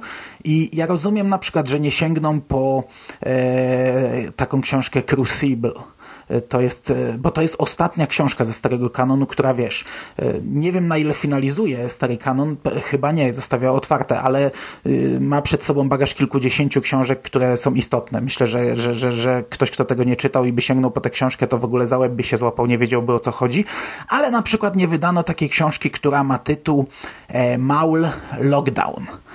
I jak dla mnie, no 100 razy lepszym posunięciem jest wydanie książki pod tytułem Maul, z Dartem Maulem na okładce, niż wydanie książki pod tytułem Dart Bane czy Dart Plegius, no bo e, Maula mamy zarówno, mieliśmy zarówno w e, Wojnach Klonów, w Rebeliantach, potem w Solo, a, a, podejrzewam, że teraz będzie w Kasjanie, przynajmniej mam taką nadzieję, że będzie w serialu. Przy czym no, wydaje mi się, że ta książka będzie słaba, bo ją napisał ten autor, który te horrory Gwiezdnowojenne napisał, czyli Szturmowców Śmierci i, yy, i Czerwone Żniwa, czyli zakładam, że ta książka będzie beznadziejna, ale, ale niewydana książka ze starego kanonu, więc złapiesz tutaj na haczyk yy, fanów legend i do tego Maul, więc złapiesz na haczyk dzieciaków, yy, które, które gdzieś tam oglądały sobie rebeliantów Poza tym były takie książki o e, starej, o, o, o, wiesz, o, o świętej trójcy, e, o Lei, o Hanie i jedną z nich zresztą napisał, a dokładnie napisali e, James S.A. Corey, czyli autorzy, którzy odpowiadają za serię Expanse. E, napisali jedną z tych książek, więc to też można by jakoś na tym pojechać e, i, i to reklamować. Wydaje mi się, że, że, że, że dużo e, bardziej oczywiste byłoby wydanie książki z Hanem Czubaką, Dartem Maulem na okładce niż Dart Bane, Dart Plagueis i to mi się trochę nie podoba, że, że tak mam wrażenie, że trochę bezmyślnie biorą to, co fandom klepie w internecie, a potem fandom im, im oddaje za to z nawiązką. I to tyle. Dwa zdania. No, ja jestem ciekaw w sumie, jak właśnie e, się z, e, ze sprzedażą tych książek e, ułoży to wszystko, bo to, co powiedziałeś na koniec o fandomie, to najbardziej mnie w tym wszystkim też to tak bawi i nie bawi właśnie, że jest z jednej strony tak, że wszyscy mówią super, super, najlepsze książki i tak dalej, a w zasadzie wszędzie, gdzie tylko widziałem informacje o tym, co oni właśnie z legend mają zamiar wydać, to wszędzie jak mantra było, ale przecież te książki można kupić za grosze, wszędzie się walają, po co to, po co to wydawać? Więc no to jest tak, że pewnie jak z wieloma rzeczami y, mi miłość i oceny pozytywne to jedno, a, a przełożenie się e, na to, żeby to kupować, to jest zupełnie inna sytuacja i teraz no Pytanie, czy się na tym nie przyjadą też e, tak od tej strony stricte biznesowej, nie? Ale no, mhm. zobaczymy, zobaczymy. Ale Darta Bane'a chętnie sobie z tobą omówię, jak będziesz chciał czytać, bo ja sobie z przyjemnością wrócę do tych książek. Plegiusa pewnie odpuścisz, chyba że, że zaryzykujesz, no ale no, nie, nie wiem, nie wiem. Szczerze mówiąc, no właśnie jest, mnie osobiście trochę zniechęca to, co ty mówisz, no bo no, no ja nie, nie znam legend, więc wiesz, jak mam się męczyć yy, i się wkurzać, że nie rozumiem yy, powieści, no to yy, ja mam cały czas całkiem pokaźną ilość książek z nowego kanonu nieprzeczytaną, więc to raczej pewnie bym sobie uzupełniał braki niż sięg sięgać po coś, co ma mnie zrazić. No ale zobaczymy, co czas przyniesie. No dobrze. To skończyła się ta fajna A część. A Siku, czytałeś coś? Eee, wiecie co, mam jedną taką książkę, o której bym nawet chciał odpowiedzieć. Eee, nie wiem, czy to się nadaje na osobny podcast, więc eee, opowiem wam tutaj. Trupia Farma, Billa Bassa, napisana do spółki mm, z kurczę mm, Johnem Jeffersonem.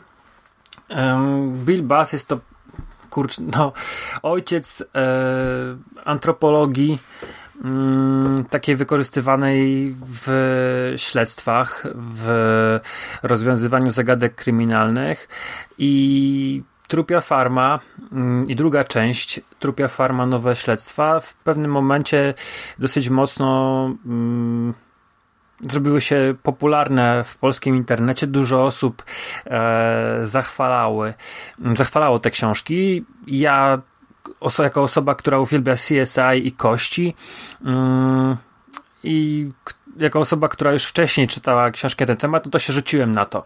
E, Trupia Farma jest to e, taka mm, takie miejsce w, e, w Tennessee, obok, niedaleko Knoxville, e, gdzie naukowcy badają rozkład ciał w różnych warunkach, a to je topią, a to je zakopują, a to zamykają w e, jakichś metalowych pojemnikach, beczkach, zasypują wapnem i ich badania są mm, spisywane i dzięki temu śledczy w całych Stanach Zjednoczonych, a także na całym świecie mogą e, dojść do tego, kiedy ktoś został zamordowany, czy to ciało było przeniesione, czy, czy było w tym miejscu zamordowane. No, y, jeżeli ktoś oglądał rzeczy właśnie tego pokroju, co CSI czy Kości, no to wie o czym mówię. Mm, książka jest z 2003 roku i tutaj mam taki pierwszy zgrzyt, bo była wydana chyba w zeszłym, albo nie wiem, albo w 2017, ale wydaje mi się, że chyba w 2017. I, yy, i to jest taki mój pierwszy zgrzyt, że nie jest za bardzo aktualna. Bill Bass w tej chwili ma 90 lat i kurde, jednak wolałbym coś nowszego przeczytać. Zresztą czytałem coś nowszego, ale to zaraz.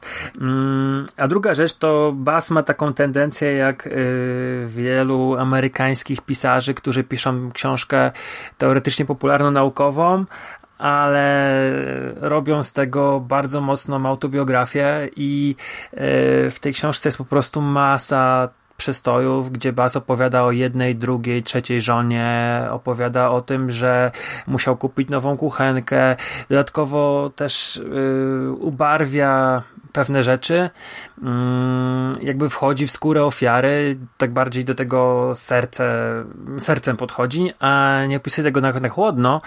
Yy, Natomiast pomija akurat rzeczy, które na przykład by mnie zaciekawiły. I załóżmy, że opowiada o tym, że.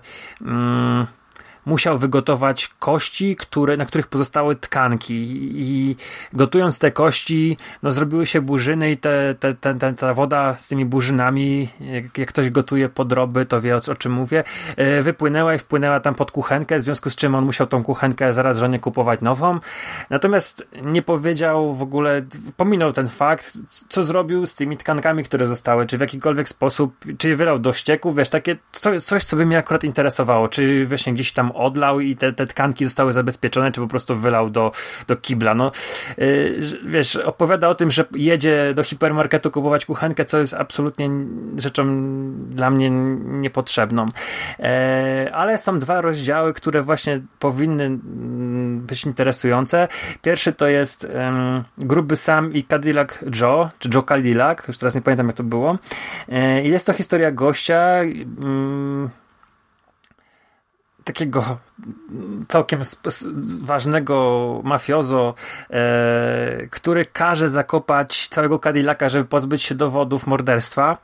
I według słów e, Basa jest to podobno jedyny przypadek w amerykańskiej kryminalistyce, gdzie e, zakopują przestępcę i jego auto, e, żeby pozbyć się dowodów. I tutaj może nie ma takiego bezpośredniego połączenia, bezpośredniego nawiązania do Cadillaca Dolana, e, opowiadania Stephena Kinga, ale mam takie wrażenie, że King się tym w jakiś sposób mm, no wzorował na, te, na tej sprawie, bo po pierwsze no to jest jedyny, jedyna, jedyna sprawa, gdzie e, rzeczywiście cały samochód został zakopany, a druga, że King nawet mógł nie bezpośrednio, tylko gdzieś tam kiedyś o tym przeczytał, bo sprawa jest 75 roku, a, a później się zainspirował i napisał to opowiadanie.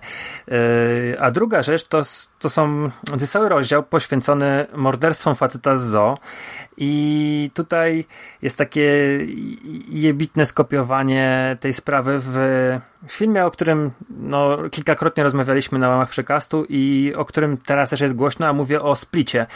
Yy, bo mamy mordercę, który pracował w zoo i który mm, torturował, zwabiał ofiary do, do jakiegoś tam budynku starej stajni e, w zoo. A druga, że ten morderca miał osobowość mnogą mm, i to mnogą do tego stopnia, że y, te osobowości mówiły różnymi akcentami, broniły jedna przed drugą się wzajemnie. Y, i powiem szczerze, niedawno oglądałem Splita i bardzo mi się ten film podobał, ale w tym momencie jestem rozczarowany, bo myślałem, że Shailaman wymyślił to wszystko samemu, że to jest jego jakiś taki bardzo autorski pomysł, że mm, wpadł na to, że jest taki morderca i, i te wszystkie osobowości e, gdzieś tam wchodzą w interakcję, a tu się okazuje, że e, morderca jest prawdziwy, te sprawy działy się e, ta sprawa działa się w Tennessee w 92 roku i o ile ten facet został skazany za mm, gwałty, kradzieże i, i napaści i chyba 66 lat miał odsiedzieć, o tyle za te morderstwa jeszcze nie, nie był skazany i sprawa e, z perspektywy Basa jeszcze była nierozwiązana, bo proces zaczął się chyba w 95 roku, a e, do 2002 już, już raz go powiedzmy został nierozstrzygnięty, bo mm, ława przysięgłych nie była w stanie zdecydować, czy facet udaje, czy to rzeczywiście osobowość mnoga i, i proces został nierozstrzygnięty, czy powinien być leczony, czy powinien zostać osadzony. Tego, tego nie, nie, nie, nie doszli do konsensusu. E, I to mnie to, to jest o tyle ciekawe, że wiecie, że mm, ten, ten Shalaman to skopiował i to tak przy okazji Splita czytałem sobie mm, po obejrzeniu filmu jakieś tam różne rzeczy i nigdzie nie wyczytałem, że to jest wszystko ściągnięte z, mm, z prawdziwej e, sprawy. A książką, którą natomiast bardzo bym polecił, jest książka Tajemnica wydarta zmarły. Miałem czytałem parę lat temu. Jest napisany przez panią doktor Emily Craig, która zresztą jest w książce Basa wspominana wielokrotnie. E, była jego uczennicą, doktoryzowała się u niego i Emily Craig jest jedną z e, takich wiodących antropologów, kryminalistyków e, w Stanach. Pracowała między innymi przy rozpoznawaniu tkanek w World Trade Center, ale też kilka innych takich ciekawych spraw jest tam opisane i po pierwsze jest to książka bardziej z, z, nakierowana na taką popularną naukową, jest mniej wstawek autobiograficznych i wydaje mi się, że jest yy, może nie powiem, że ma większą wiedzę, ale jest na pewno ciekawszą e, ciekawszą autorką, ma ciekawsze rzeczy do powiedzenia. No to tyle. No dobra, no to korzystając z okazji jeszcze wspomnę o tym, co ja teraz czytam. Właściwie nie tyle czytam, co słucham, e, bo ostatnio znowu mnie na audiobooki mocno wzięło sięgnąłem po Ślepnąc od świateł Jakuba Żulczyka. Zaczynałem kilka innych pozycji, ale były dość e, deprymujące, depresyjne. Ja mam ostatnio dosyć depresji w życiu codziennym i uznałem, że muszę sięgnąć po coś innego jednak. I ten Żulczyk za mną chodził, bo chciałem serial obejrzeć, ale właśnie dopiero po lekturze książki tak stwierdziłem, dobra, zobaczę tak jak to się zaczyna, jak mi podejdzie to może łyknę w całości. Teraz jestem tak po dwóch trzecich myślę i to bardzo szybko mi wchodzi. Ja też teraz sporo w sumie e, krążę po mieście, bo to z pracy do pracy, do rodziców, załatwić kilka innych rzeczy, e, znowu tutaj do mieszkania i stosunkowo sporo słucham. I właśnie ktoś z Was czytał w ogóle Ślepnąc od świateł, czy nie? nie ja nie czytałem. No ja też, też nie. No to jest to historia Jacka, który handluje kokainą. E, Jacek jest tutaj pierwszoosobowym narratorem jak sam właśnie twierdzi, on nie jest dealerem, bo dealera to można spotkać w salonie samochodowym, on jest detalistą. E, jeździ sobie nocą po Warszawie e, i napędza nocne życie stolicy, zaopatruje jakieś tam gwiazdy show biznesu, bogaczy, ich rozpuszczone dzieci, głównie w kokainę, chociaż czasem ma też jakiś tam inny towar przy sobie. I na początku Jacek w pełni kontroluje swoje życie. Jak gdyby widzimy e, tego handlarza prochami, który e, no jest takim troszkę bogiem w tym swoim własnym świecie. Jacek zarabia absurdalne ilości pieniędzy. E, działa w pełni anonimowo, tak? przez co no to wszystko jest dosyć bezpieczne w gruncie rzeczy. Niby łamie prawo, ale jednak raczej nic mu nie zagraża tutaj. Ma kontakty e, z policją też całkiem niezłe, ma kogoś nad sobą, kto go zaopatruje w te narkotyki ma e, całą masę wiernych, stałych klientów, w tym takich, którzy no, naraz po prostu e, pozwalają mu zarobić e, kosmiczne kwoty pieniędzy, nie ma żadnych wrogów, wszystko układa się całkiem nieźle, do tego jest końcówka roku, zaraz będą święta, ale Jacek na święta nie wybiera się do rodziny, tylko chce zaraz po świętach wyjechać. Wyjechać do Argentyny na taki długo wyczekiwany urlop, ma już bilety, odłożył 50 koła e, w dolarach, e, znaczy 50 tysięcy dolarów. E, no trzeba tylko przetrwać te ostatnie kilka dni i wyjechać. I ta powieść fascynuje na kilku poziomach. Po pierwsze, nie ma tutaj typowych plot pointów, nie ma takich typowych momentów przełomowych, że wiecie, że dochodzicie do jakiegoś wydarzenia i czujecie, że to wydarzenie e, bardzo mocno wpłynie na fabułę, na bohatera, czy coś takiego, że sobie myślicie, o teraz to się zadziało. Nie. Właśnie czytamy coś ala dziennik dealera. Tam po prostu Jacek opisuje właśnie e, jako narrator pierwszoosobowy w czasie teraźniejszym, co się tam wokół niego dzieje. E, no i właśnie tutaj komuś coś sprzedaje, tutaj wbija komuś na chatę, żeby odzyskać dług, tutaj, nie wiem, właśnie umawia się na oddanie jakichś tam zaległych pieniędzy, tutaj przyjmuje od kogoś klub Tutaj spotyka się ze swoim jak gdyby przełożonym, y, ze swoim hurtownikiem, może tak to można ująć. Y, I tak widzimy te kolejne sytuacje. Y, nie ma tych przełomowych momentów i nagle są tylko takie małe wydarzenia z jego życia. I nagle się okazuje, że te wszystkie małe wydarzenia, jakieś tam delikatne potknięcia, drobne błędy, czy coś, co nawet dotychczas się nie wydawało być niczym istotnym, nagle to zaczyna się kumulować, eskalować i życie naszego bohatera po prostu zaraz legnie w gruzach. Wszystko się sypie.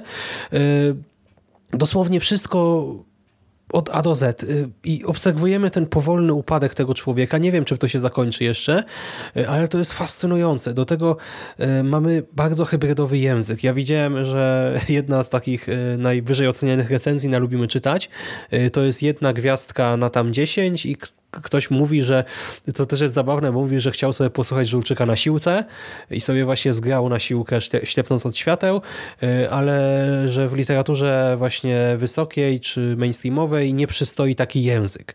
Y, no ale bohaterem jest kurde y, kolej z przestępczego półświadka, tak? Właśnie handlarz narkotykami, który obraca się wokół e, masy innych zbiorów, wokół gości, którzy właśnie, nie wiem, łamią ludziom ręce, żeby odzyskać długi, e, czy straszą dzieci i tak dalej, więc no to jest normalne, że właśnie w tym języku jest sporo wulgaryzmów. E, język jest w ogóle momentami taki strasznie surowy, wulgarny, agresywny, ale zarazem też momentami poetycki. Też nasz bohater teraz właśnie obraca się w takim świadku, ale on przyjechał z Olsztyna do Wawy, żeby na ASP studiować i on troszkę się tam podkształcił, też ma zasób słownictwa jednak bogatszy. I to naprawdę e, jest bardzo świadomie pisane, tak? Właśnie tu mamy jakąś, jakieś potocyzmy, grypserę, e, tu znowu nową mowę, tutaj trochę terminów fachowych i to wszystko tworzy naprawdę świetną mieszankę. Do tego w tle mamy bohatera kolektywnego Warszawę. Ta Warszawa nocą, y, czy też w ogóle ta Warszawa imprezowa, Warszawa narkotykowa y, jest taka brudna i malownicza zarazem. Właśnie mamy taki malowniczy brud, czy brudną malowniczość i to też, y, kurczę, no nie wiem, no mieszkam w Łodzi, tak kawałek od Warszawy, bywam tam co jakiś czas, ale takiego obrazu nawet sobie w głowie w życiu nie wyobrażałem i do tego, to co jest ciekawe, to fakt, że ja gardzę normalnie tak prywatnie dealerami i to tak dość mocno, a Żulczyk sprawił, że darzę Jacka jakimś tam szacunkiem czy zrozumieniem. E, no, zobaczymy, jak to będzie po lekturze już, e, ale no, zafascynował mnie tą jego postacią i na razie wciągnąłem się totalnie. E, pewnie też serial sobie obejrzę niedługo, zresztą o książce pewnie z Bogusią porozmawiamy w osobnym, długim podcaście. No, póki co bardzo polecam. Jakieś pytanka? Ja już ci zadałem przed, przed podcastem to pytanie takie jedno, które miałem. Tak, nim zaczęliśmy nagrywać, w ogóle łączymy się, Asik, brałeś kiedyś kokainę? Ale niech to zostanie w kręgu tajemnicy. To może na Q&A kiedyś Szymas nam zdradzi, z jakimi narkotykami eksperymentował. Boże.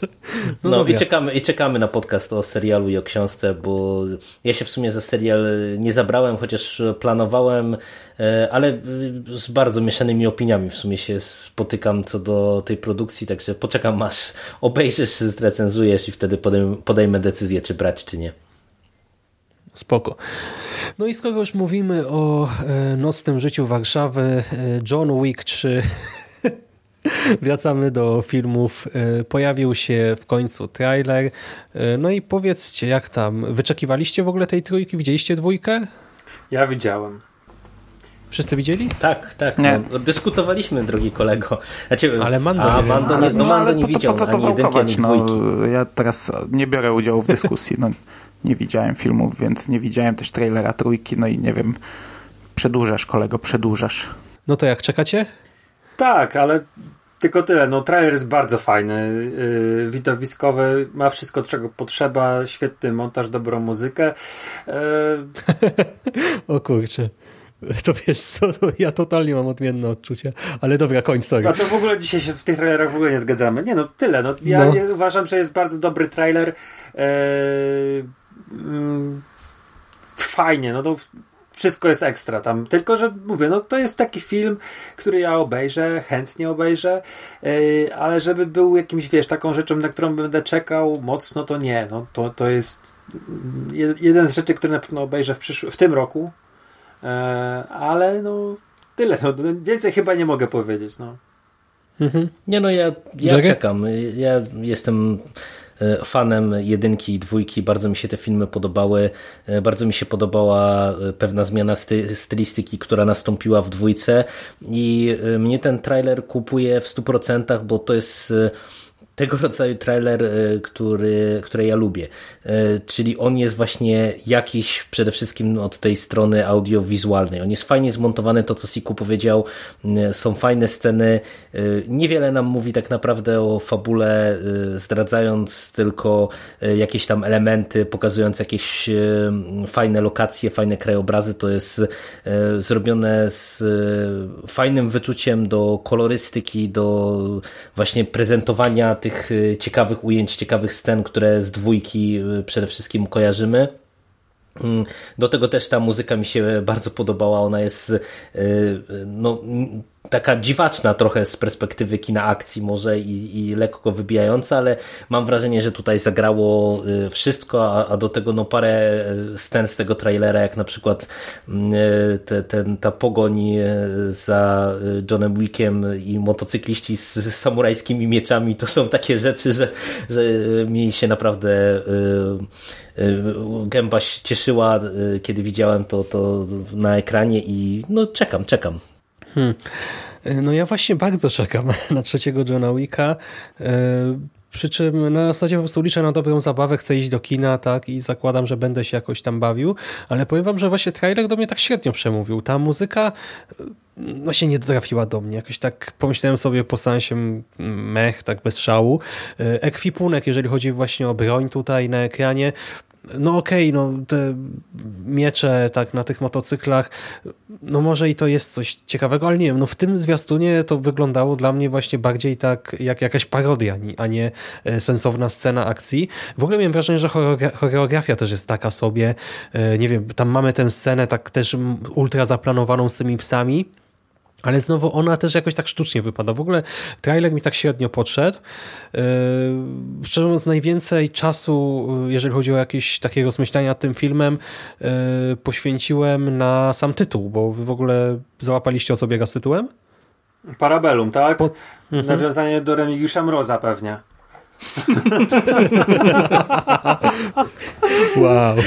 Tego się jest...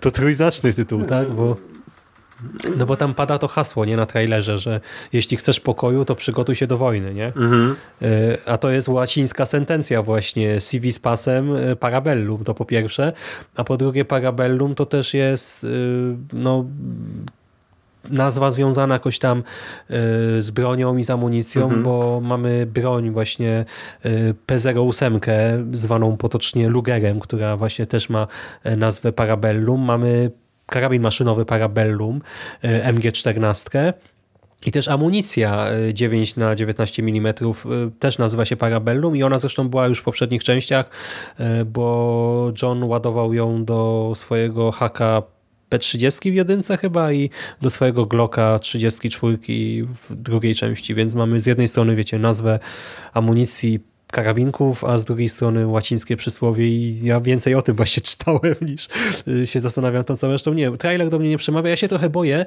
y, tego, że y, trzeci John Wick to będzie po prostu rozwinięcie tego, co było w ostatnim akcie dwójki, nie? czyli właśnie to wielkie polowanie na niego i jeżeli to będzie przez cały film, tą główną osią fabuły, że po prostu będą na niego kolejne tam gangi kolejni ekstra super hiper zabójcy polować, to ja myślę, że ten film można zajechać bardzo łatwo. Ja mam nadzieję, że to po prostu będzie jakiś pierwszy akt, że wszyscy polują na Johna, a potem on właśnie próbuje, nie wiem, dopaść kogoś znowu czy coś, żeby choć trochę odbić piłeczkę. Mam nadzieję, że jednak tego nie zaorzą, a troszkę się boję. No chcę to zobaczyć, ale mam trochę obawy. No ja w sumie na razie nie mam obaw. Myślę, że to twórcy tutaj patrząc po trailerze wiedzą co robią i, i naprawdę ja na razie jestem dobrej myśli, bo dla mnie dwójka była pewnym rozwinięciem jedynki i, i tutaj mam wrażenie, że tutaj, że tutaj, tutaj mam wrażenie, że w tej trzeciej części oni będą kontynuowali właśnie już patrząc na wizualia, chociażby drogę, którą sobie obrali przy dwójce.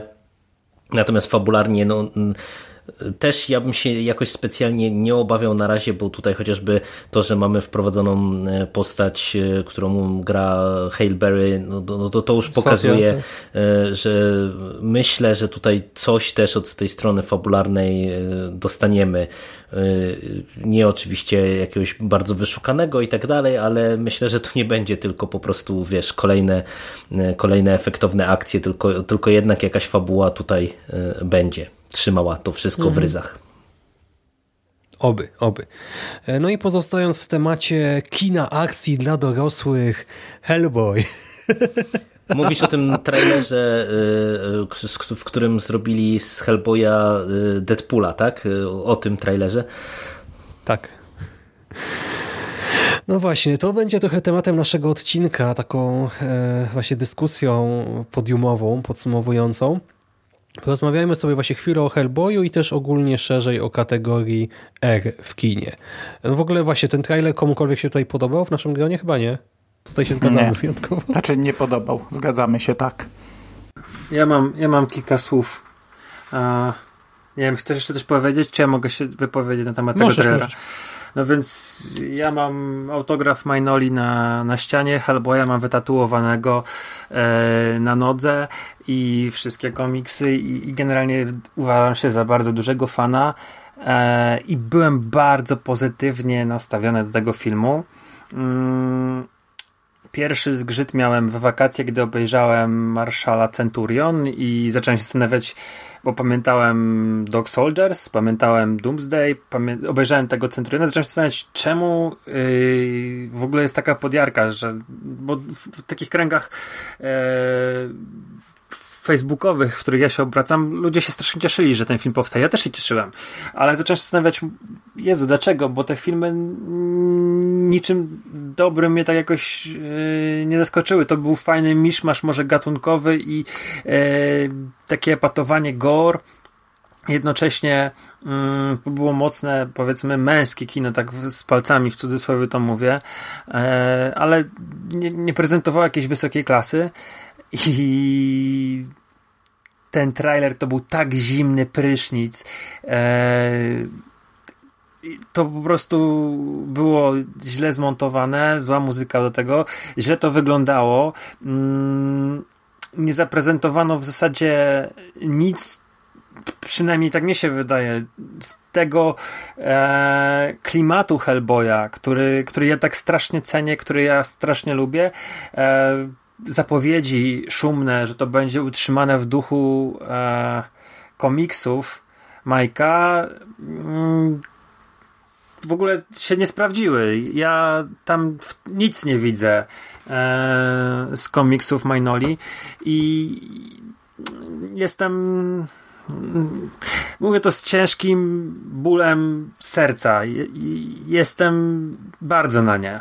Znaczy wiesz co, ja tak e, w nawiązaniu do tego, co ty mówisz, że byłeś e, bardzo optymistycznie nastawiony, to ja kompletnie nie rozumiałem, dlaczego ludzie się jarają tak tym filmem. Bo ani mnie nie przekonywał casting, i jeżeli oni czegoś nie zrobią z wyglądem samego Hellboya, to już samo to jest dla mnie niezłym fuck-upem, bo ten, ten aktor prezentuje się naprawdę słabo w mojej ocenie od tej strony stricte wizualnej. Tak jak mówisz, nie przekonuje mnie osoba reżysera, bo e, ja też odnoszę wrażenie, że po prostu wszyscy pamiętają Dog Soldiers e, sprzed ilu już 20 lat pewnie, niedługo, czy, czy nawet już ponad. E, no i to... 2004 mm, chyba... Albo no, to patrz, to myślałem, że to jest starszy nawet film. Ale wiesz, no ale to, to był filmik yy, niezły, ale no umówmy się, że to było niskobudżetowe dzieło, niskobudżetowy horrorek, który się sprawdzał w swojej konwencji. To jest zupełnie inny rodzaj kina, jak dostajesz duży budżet i masz robić yy, film yy, no, sporego kalibru. I tak naprawdę no, żadne, ale to absolutnie żadne doniesienia, które wokół tej produkcji ja słyszałem, słyszałem z tą nieszczęsną kategorią R y, na czele, mnie nie przekonywały, że tutaj możemy mieć do czynienia z czymś dobrym. No i, i y, ja tak naprawdę uśmiałem się setnie, jak czytałem wszystkie te komentarze pod tym trailerem, bo to, co ty mówisz, że to był zimny prysznic, to odniosłem wrażenie, że to był zimny prysznic właśnie dla większości mm, internetów, bo cała masa ludzi się wypowiadała hura optymistycznie o tym powstającym filmie, szczególnie, że tam przecież jakiś czas temu był ten taki plakat e, z Hellboyem z tym takim płonącym mieczem i tam wszyscy wow, że to wygląda tak super mi się ten plakat nie podobał i tak po prostu z jakąś wewnętrzną satysfakcją obserwowałem, jak ten entuzjazm e, opada. E, no i cóż, ja nie czekałem na ten film i, i, i nie czekam nadal, a e, patrząc po trailerze, po tym, co oni tutaj nam pokazują w kontekście właśnie tego, tej brutalności i zestawiając to z tym, że to wygląda dla mnie jak jakieś popłuczyny po tych Resident Evil z Milą Jowowicz od tej strony wizualnej, no to wietrze naprawdę spektakularną katastrofę. E, ta cała kampania reklamowa w ogóle była zabawna, bo to znaczy te, te, obserwowanie e, tej drogi w internecie, bo to się zaczęło od wielkiego rozczarowania, że nie będzie trzeciego, e, trzeciego a już Deadpoolem, trzeciego Hellboya, e, a wystarczyło jedno zdjęcie promocyjne postaci, które wcale nie było jakieś, nie wiem, super, hiper fajne i ogłoszenie, że to będzie kategoria R. I wszyscy byli kupieni, wszyscy wklejali to zdjęcie, wszyscy wow, wow. I tam się połowali nad, nad tym zdjęciem. Potem pojawił się ten plakat i dokładnie ta sama powtórka, potem jeszcze jakieś zdjęcia promocyjne i powtórka.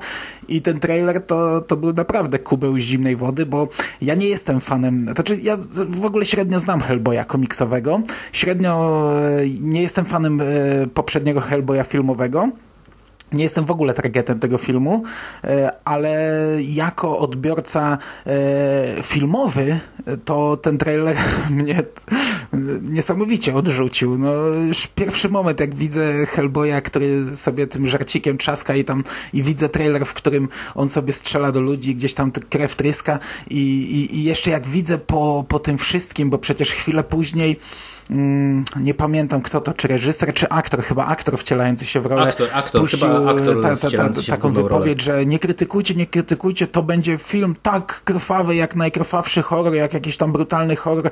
Jak widzę takie, takie podejście i, i takie wpisy i jak widzę ten trailer, który jest kurde, y, pod każdym względem zły, no bo ja, ja nie jestem w stanie powiedzieć, jak on jest zły, y, jak on wypacza na przykład materiał wyjściowy. Nie jestem w stanie powiedzieć, czy, czy to jest dobra ekranizacja komiksu, czy niedobra. Jestem w stanie powiedzieć, że to jest beznadziejna reklama filmu.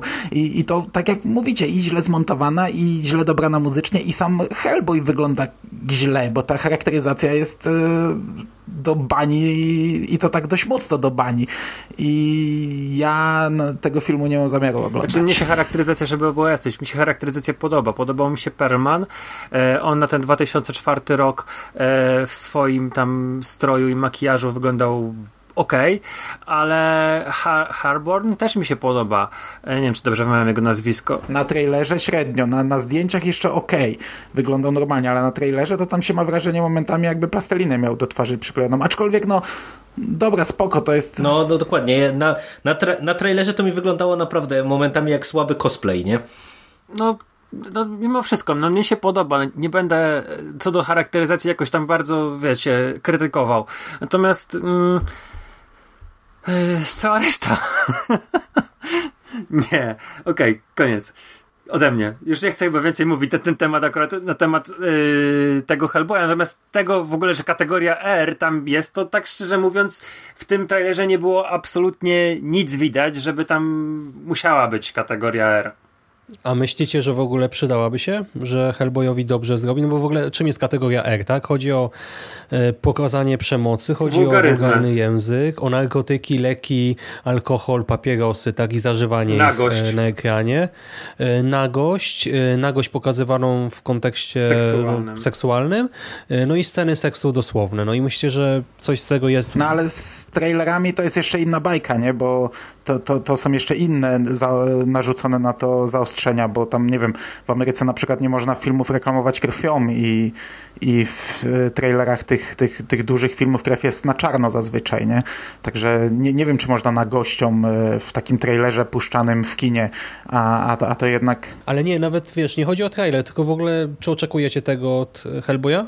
No właśnie tam, co, to, to co pokazali yy, w wiesz, tylko mogliby wulgaryzmy dodać, tak szczerze mówiąc, dla mnie. To tam, z tego co pokazali, to tam nie zapowiadało się ani na jakąś, wiecie, krwawą jatkę, yy, ani na, nie wiem, może jakieś wątki okultystyczne yy, wymagają, wiecie, kategorii R, chociaż raczej wątpię, bo mamy Sabrinę yy, na Netflixie. Mm, oczywiście to jest taki żart, może się nie udał. ale. ale przynajmniej o Netflixie wspomniałeś. Ale, ale kurde, no serio, obejrzałem ten trailer dwa razy i w ogóle nie czułem, żeby tam musiała być ta kategoria R. A y, to, co pokazał Del Toro w y, mm, dwóch pierwszych znaczy w pierwszym powiedzmy, no bo drugi to był takie, taka fa fantazy bardzo. Mm, w tym pierwszym Hellboyu to, to rzeczywiście wcale nie musi być kategoria R, żeby, żeby postać była, żeby postać grała. O. Znaczy ja wam powiem, że to jest e, w ogóle właśnie punkt wyjścia do naszej dyskusji e, stąd się wziął, bo to co teraz powiedziałeś, że wcale nie musi być kategoria R, żeby, kategorii, e, żeby postać grała, to jest w ogóle kwestia kategorii R w takim powszechnym rozumieniu. Ja kiedyś na konglomeracie już o tym mówiłem w osobnym podcaście, bo mnie już ten temat triggeruje od lat i ja wam powiem, że dla mnie to jest kompletnie y, niezrozumiały fetysz y, pośród widzów, y, że dla wielu kategoria R jest z automatu wyznacznikiem czegoś fajnego. To wszystko, co wspomnieliście tutaj, nie? Czyli mamy, nie wiem, przekleństwa, krew, nagość i, i tak dalej, i tak dalej. No, to są te, tego rodzaju elementy, które oczywiście w filmie często są potrzebne, uzasadnione i, i, i ważne, ale jest cała masa filmów, nawet horrorów, y, które kategorii R nie mają. Jest cała masa filmów, y, nawet y, dosyć brutalnych tak naprawdę w wymowie, czy dosyć drastycznych często, które kategorii R nie mają. I twórcy sobie z tym zupełnie dobrze radzą. Nie? No, wiecie, jak się spojrzy na filmy, które tą kategorię R w ostatnich latach miały, no to nie wiem, weźmy sobie chociażby pod uwagę mm, e, tego Konana ostatniego, e, albo weźmy sobie e, Wolverina, który też chyba kategorię R miał. I przecież mm, ten ostatni Wolverine to ja rozumiem po co tam ta kategoria R była i ona pewnie tam być musiała, ale z drugiej strony ten film dobitnie pokazywał jak E, twórcy sami często nie, nie rozumieją, po co im jest to potrzebne, bo przecież ja, to już nie, nie wchodźmy w to dlaczego, ale widziałem ten film z dubbingiem polskim, to po prostu jak słowo honoru tam uszy więdły. Tam co drugie słowo to było przekleństwo. I nie wiem na ile to polski dubbing podbił e, po prostu do tej potęgi, na ile tak było w oryginale. No ale wiecie, ale czy w filmie e, e, superbohaterskim jest potrzebne aż taka ilość wulgarnego języka? Nie jest. No patrząc nawet na tego Hellboya. Mm, ty Siku mówisz, że jesteś wielkim fanem. E, ja teraz, e, jak Egmont wznawia Hellboya, to tak go pierwszy raz systematycznie czytam. No przecież e, w Hellboyu nie ma ani jakiejś bardzo dużej ilości dosadnej brutalności, jakiejś bardzo dużej ilości krwi. Wulgaryzmów to nie. chyba nie ma wcale. Przecież Są tak papierosy i, i gorzała, nie? No to dokładnie. I, i, I, to jest, I to jest wszystko, nie? I, i tak naprawdę no, o, o seksu to już w ogóle nie ma, nie? Więc tak naprawdę ja kompletnie, ale to kompletnie nie rozumiem, dlaczego ktoś, kto na przykład, nie wiem, zna materiał źródłowy, miałby się jarać, że, że będziemy mieli tutaj kategorię R, że co, że e, Hellboy będzie sadził headshoty do, do jakichś tam potworów, no, no ale, ale po co? No, no znaczy, wiesz, to... trochę chodzi o to, że że przez lata e, powstawały PG-13, które były źle zrobione i widownia e, upatrywała kiepską jakość tych filmów, filmów w PG-13. Przez lata to urosło do, do jakichś, wiesz, do, do jakichś gigantycznych rozmiarów, że, że po co narzucać ograniczenia? Przecież przez lata było tak, że jak już ogłoszono, że film będzie PG-13, to już on był skreślany. I niestety to, jest pierwszy krok. Drugi krok to był Deadpool i Logan, które e, nagle zarobiły e, duże pieniądze i nagle teraz studia zobaczyły, że kurte to R faktycznie przyciąga, że na razie działa jak magnes. To pewnie do czasu. E, ale na razie działa, więc, więc myślę, że, że, że to jest ten kierunek. Dwa filmy pokazały, że, że można zarobić na superbohaterskim filmie z kategorią R i sama kategoria R już jest tutaj wabikiem, co pokazuje ten Hellboy, no bo przecież dokładnie o tym powiedziałem, że cały internet był wkurzony na, na, na to, że nie będzie trójki, że, że mamy reboot, a, a wystarczyło powiedzieć będzie Hellboy z kategorią R i wszyscy, wszyscy dosłownie byli na kolanach leżeli i czekali, żeby, żeby kurde, zrobić dobrze tutaj temu filmowi, nie? Mm, na zeszły rok wystarczy spojrzeć. Trzy filmy duże, właściwie no nie wiem, czy ostatni będzie komiksowy, ale trzy duże filmy komiksowe. Deadpool 2, Venom i Predator, The, The Predator. Eee, I tak mówię komiksowy, no bo postać już bardziej znana z komiksów, bardziej znana z komiksów w tej chwili, eee, czy tam, tam się obraca. Eee, I w przypadku Deadpoola no to wiadomo, tam e, ta kategoria R jest ze względu na ten humor. Zresztą możecie posłuchać sobie recenzji Shimasa, on dosyć to fajnie opowiada. Mm, humor słowny, który jest bardzo ważny w tej postaci, dużo wulgaryzmów, bardzo mocny język i to ma sens, tam kategoria sens ma. Venom, moim zdaniem, absolutnie to, co tam pokazali, e, mogłoby przejść właściwie może, gdyby to wszystko trzeba było wyciąć, to może by stracił film minutę. E, I on mógłby spokojnie pójść z kategorią PG-13. Absolutnie. Ale on, przecież, ale on przecież był z kategorią PG-13. Tak, no przecież to, to też była afera. No przecież między innymi e, Venom został skreślony jako film właśnie po informacjach o tym, że on ostatecznie będzie e, PG-13 i, wszyscy stwierdzili, że no jak już wytwórnia powiedziała, że jednak e, z taką kategorią to znaczy, że się poddali, że już wiedzą, że nakręcili gówno i żeby ratować wpływy, no to dadzą go z niższą kategorią, no bo jednak wiecie, to, to zapewnia szerszą dystrybucję, łatwiejszy dostęp do filmu i tak dalej, i tak dalej. No, przecież szoku, wiesz, ja, ja, zatrzymałem się na tym, kiedy było mówione, że e, on dostaje kategorię, kategorię R, a teraz widzę, tak, że on tak, dostał... Bo tak, bo tak miało być, tak miało być. Mhm.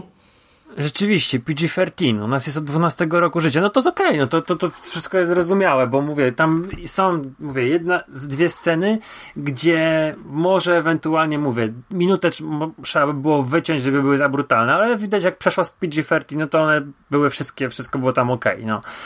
Eee, Także, no mówię, i, i, Predator, który tam jest. Ten film ma wiele wad, e, ale ta kategoria jest tam użyta i, i, i, ma sens, bo to jest bardzo wulgarny film, no, jeżeli chodzi o żarty. A też swoją drogą jest też krwawy i brutalny, ale ta brutalność jest taka, no, e, ze strony Predatora, więc to, to, to jest tak, że się facet nie, znaczy facet, kosmita się nie patyczkuje i po prostu e, no to widać, że to, to, to, to jest bestia do zabijania, no. Ja odniosę się jeszcze tylko na sekundę do Logana, czyli to, co mówiłeś, Jerry. Ja widziałem ten film w oryginale akurat i też kompletnie nie widzę potrzeby. Y, tych faków było po prostu od zatrzęsienia. One tam były niepotrzebne, żeby film miał wymowę, którą miał mieć. Film pokazywał nam pewną historię, y, pewne, zam, pewne, zamknięcie y, postaci Logana i do, do tego w ogóle nie były potrzebne faki, a ich było multum, ich było mnóstwo. Brutalność, no okej, okay, dobra, ja tu narzekać nie będę, ale gdyby tej brutalności nie było, myślę, że film nadal e, pokazywałby swoje, to co miał, to co miał przekazać. A zresztą brutalność można e, w dobry sposób, jak się umie zatuszować, e, pokazać w taki sposób, żeby tak naprawdę niewiele pokazać, a mimo wszystko uzyskać efekt taki jak trzeba, więc moim zdaniem Logan nie potrzebował kategorii R, natomiast Deadpool, no to jest taki film, który potrzebuje, no to jest taka postać, która musi w taki sposób funkcjonować, ale ja niedawno obejrzałem Deadpoola 2, bo chciałem, znaczy w ogóle nie wiedziałem, co to jest, to był sobie Deadpool, co wchodziło w grudniu do kina, zastanawiałem się, czy mam na to iść i, i stwierdziłem, że obejrzę Deadpoola 2, jak mi się spodoba, to może sobie pójdę na tę wersję e, zrobioną e, z niższą kategorią i, mm, e, i, i, pod święta jakoś. I ja jestem e, maksymalnie rozczarowany Deadpoolem 2 i to tak naprawdę maksymalnie. Deadpool 1 mi się podobał, ja to oglądałem z przyjemnością. Śmiałem się na wielu scenach, e, bawił mnie ten film, cieszył, a Deadpool 2 to jest dla mnie taki festiwal, to, to, to, to jest e, to, co mówił e, Randy w drugim krzyku, tylko tak do potęgi entej. Mam wrażenie, że tam grubo stracono kontrolę na tym, co, co, co chciano pokazać i ja wam powiem, że ani razu się nie uśmiechnąłem, ani razu nie, nie drgnął mi kącik ust na, na drugim Deadpoolu. Nie podobał mi się ten film, nic mi się w nim nie podobało. Festiwal chaosu, brutalności, przekleństw, żartów przekraczających, co, się, co tylko można przekroczyć. E, także nie, ja w obu przypadkach, bo tylko te dwa widziałem z tych tytułów, o których mówicie. E, znaczy, no, przy Deadpoolu RK była potrzebna, ale, ale film mi się nie podobał. Ale Vanisher, jak, jak zginął, to się nie uśmiechnąłeś? Mm, w ogóle się, ani mówię, ani razu się nie uśmiechnąłem. Ja. No nie no, ja wam powiem, że ja akurat w przypadku Logana i Deadpoola no właśnie widzę sens. No Deadpool no to wiadomo, tak? Sama specyfika tego, jak on się wyraża, jak traktuje swoich przeciwników i tego, że on właśnie ma dość... Yy Właściwie prawie nie ma tak żadnych granic y, moralnych, etycznych, jeżeli chce osiągnąć jakiś cel, jeżeli ma odpowiednią motywację, a w Loganie znowu Mando Wiesz co, ja, ja oglądałem akurat Logana nawet niedawno sobie powtarzałem i powiem ci, że wcale jakoś tak mi się te faki nie rzuciły w uszy, czy one tam są, tak? Ja no zdaję sobie z tego sprawę, ale nie wiem, nie czułem, że ich jest za wiele, czy coś takiego, a do tego Wiesz, tam już scena otwarcia, nie? To gdy tam jakiś gang meksykański chce e, te felgi odkręcić od limuzyny Logana, e, no to to już, wiesz, to jest scena, która na start ci po prostu wali juchą w twarz, ale to nie jest takie właśnie, z przeproszeniem, onanizowanie się tym, e, tą kategorią R, tylko pokazanie ci, że ten świat, w którym bohaterowie funkcjonują,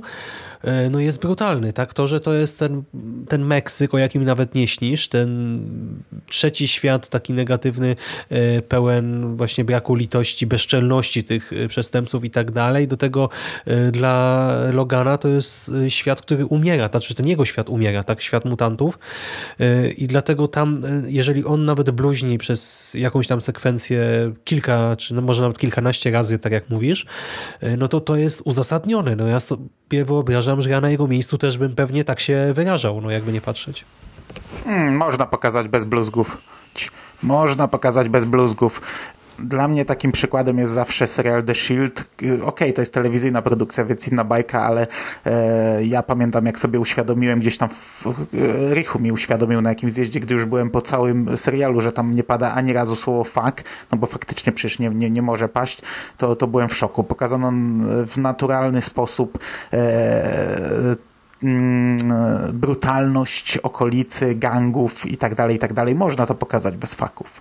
A cię, wiesz, wiesz tak, to, Mando, ale, tu, tu jeszcze, ale jeszcze... wpadnę ci tylko w słowo, bo no. to nawet nie jest kwestia, e, wydaje mi się, że tu się wszyscy zgodzimy, że, że na przykład ta e, RK w Loganie była źle zrobiona, tylko że wiesz, to jest trochę e, tak w przypadku Logana, że mm, tam jeszcze brutalność to naprawdę można obronić. Po prostu tych przekleństw jest tam niepotrzebnie dużo.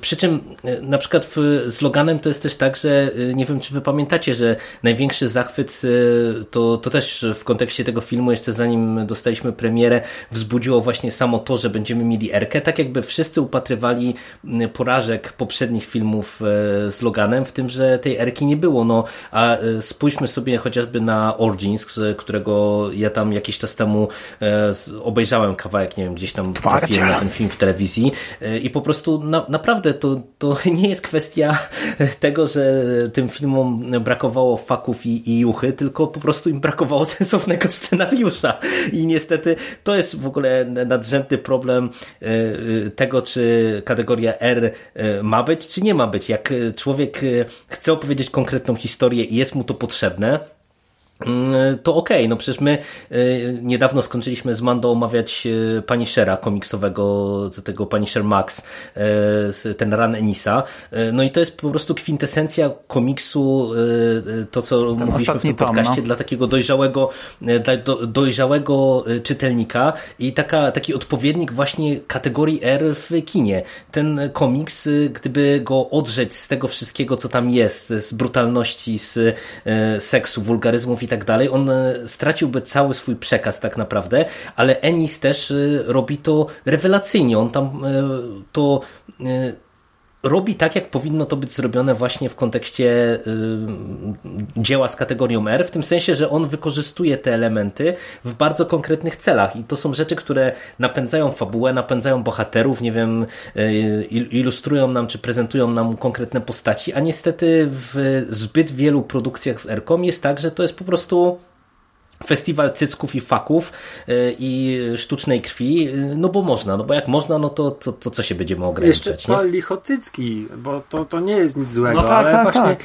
Y, ja się nadal będę, znaczy ja, się, ja popieram Mando i, i popieram ciebie Jerry, jeżeli chodzi o faki, bo y, to, że coś jest dla dojrzałego, wyrobionego widza, nie oznacza, że muszą być jakieś przesadne wulgaryzmy i mm, ja na, na przykładzie takim głupim powiem, że yy, kategorie R mają na przykład, znaczy dla, dla dojrzałego mają zaznaczone są stand-upy, bo jest bardzo dużo wulgaryzmów, jest, jest dużo takich yy, wulgarnych wypowiedzi.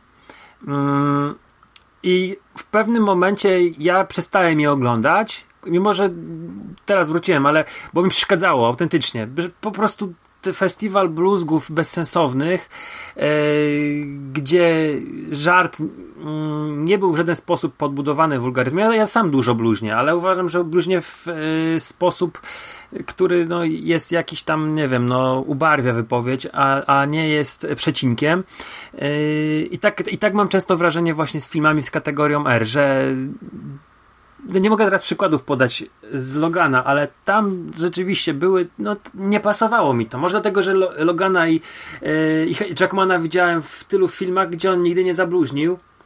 Chociaż yy, wydaje mi się, że w PG-13 może być jeden, jeden wulgaryzm może padać i chyba jeden jest użyty yy, w, w którymś tam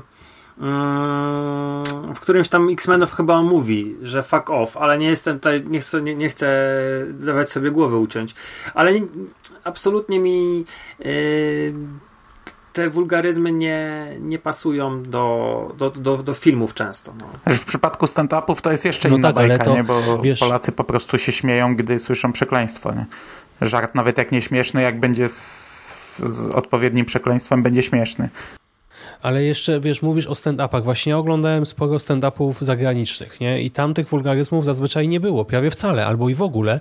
Potem zacząłem oglądać polski stand-up i e, one się opierały, e, te występy, tylko na wulgaryzmach. Dosłownie tylko. Tam każdy żart yy, praktycznie skupiał się na tym, że nagle pada bluzg i do tego, jeżeli to były scenki pięciominutowe, no to to jeszcze jako tako działało, ale jeżeli to był godzinny występ i po prostu tam padał tysiąc wulgaryzmów, to miałem dość. Ale wracając do Logana. Ja się oczywiście zgadzam, że pakowanie bluzgów tylko po to, by dać tę kategorię R jest bez sensu, ale w Loganie Kurczę, ja, ja to totalnie kupiłem przy jego postaci. Ja, dla mnie to było elementem świata przedstawionego, tak samo jak, nie wiem, y, headshoty w Johnny Wicku. To po prostu był jakiś wyraz tego jego załamania, zniechęcenia, y, tego, że stoi pod ścianą, już dalej nie może, albo nad przepaścią i po prostu zaraz ją wpadnie. Y, dlatego tutaj no, mamy odmienne zdanie, tak, ale no, ja uważam, że tamto jednak mimo wszystko miało sens. Może było trochę za dużo, ale ja ostatnio w Turce w ogóle na to nie zwróciłem uwagi.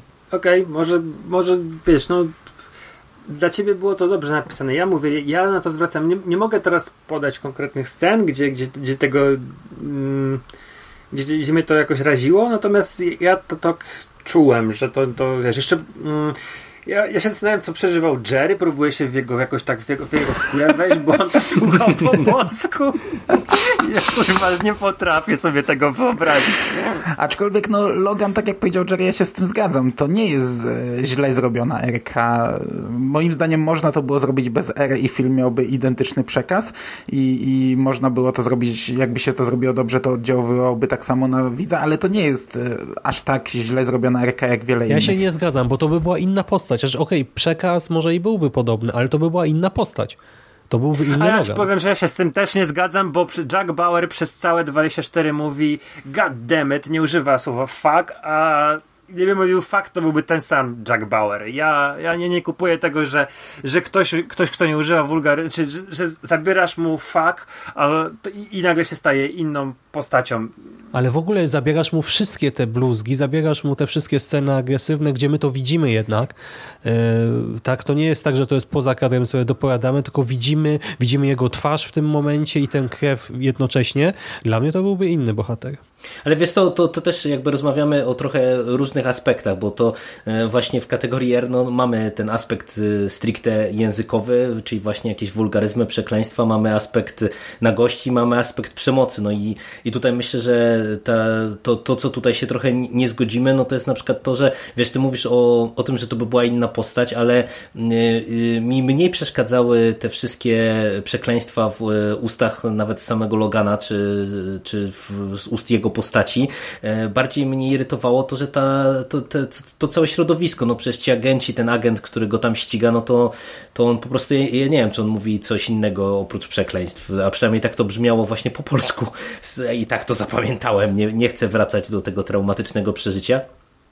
Więc e, no, po prostu z tej, z tej perspektywy wydaje mi się tutaj e, przegięto pałę, no bo e, można to było na pewno poprawić. Natomiast i tak dla mnie mówię, fundamentem jest to, że właśnie tutaj ja rozumiem Cieszymas o tyle, że faktycznie widać nawet w tych przekleństwach, że no po prostu twórcy mieli jakąś określoną wizję i ją zrealizowali, nie?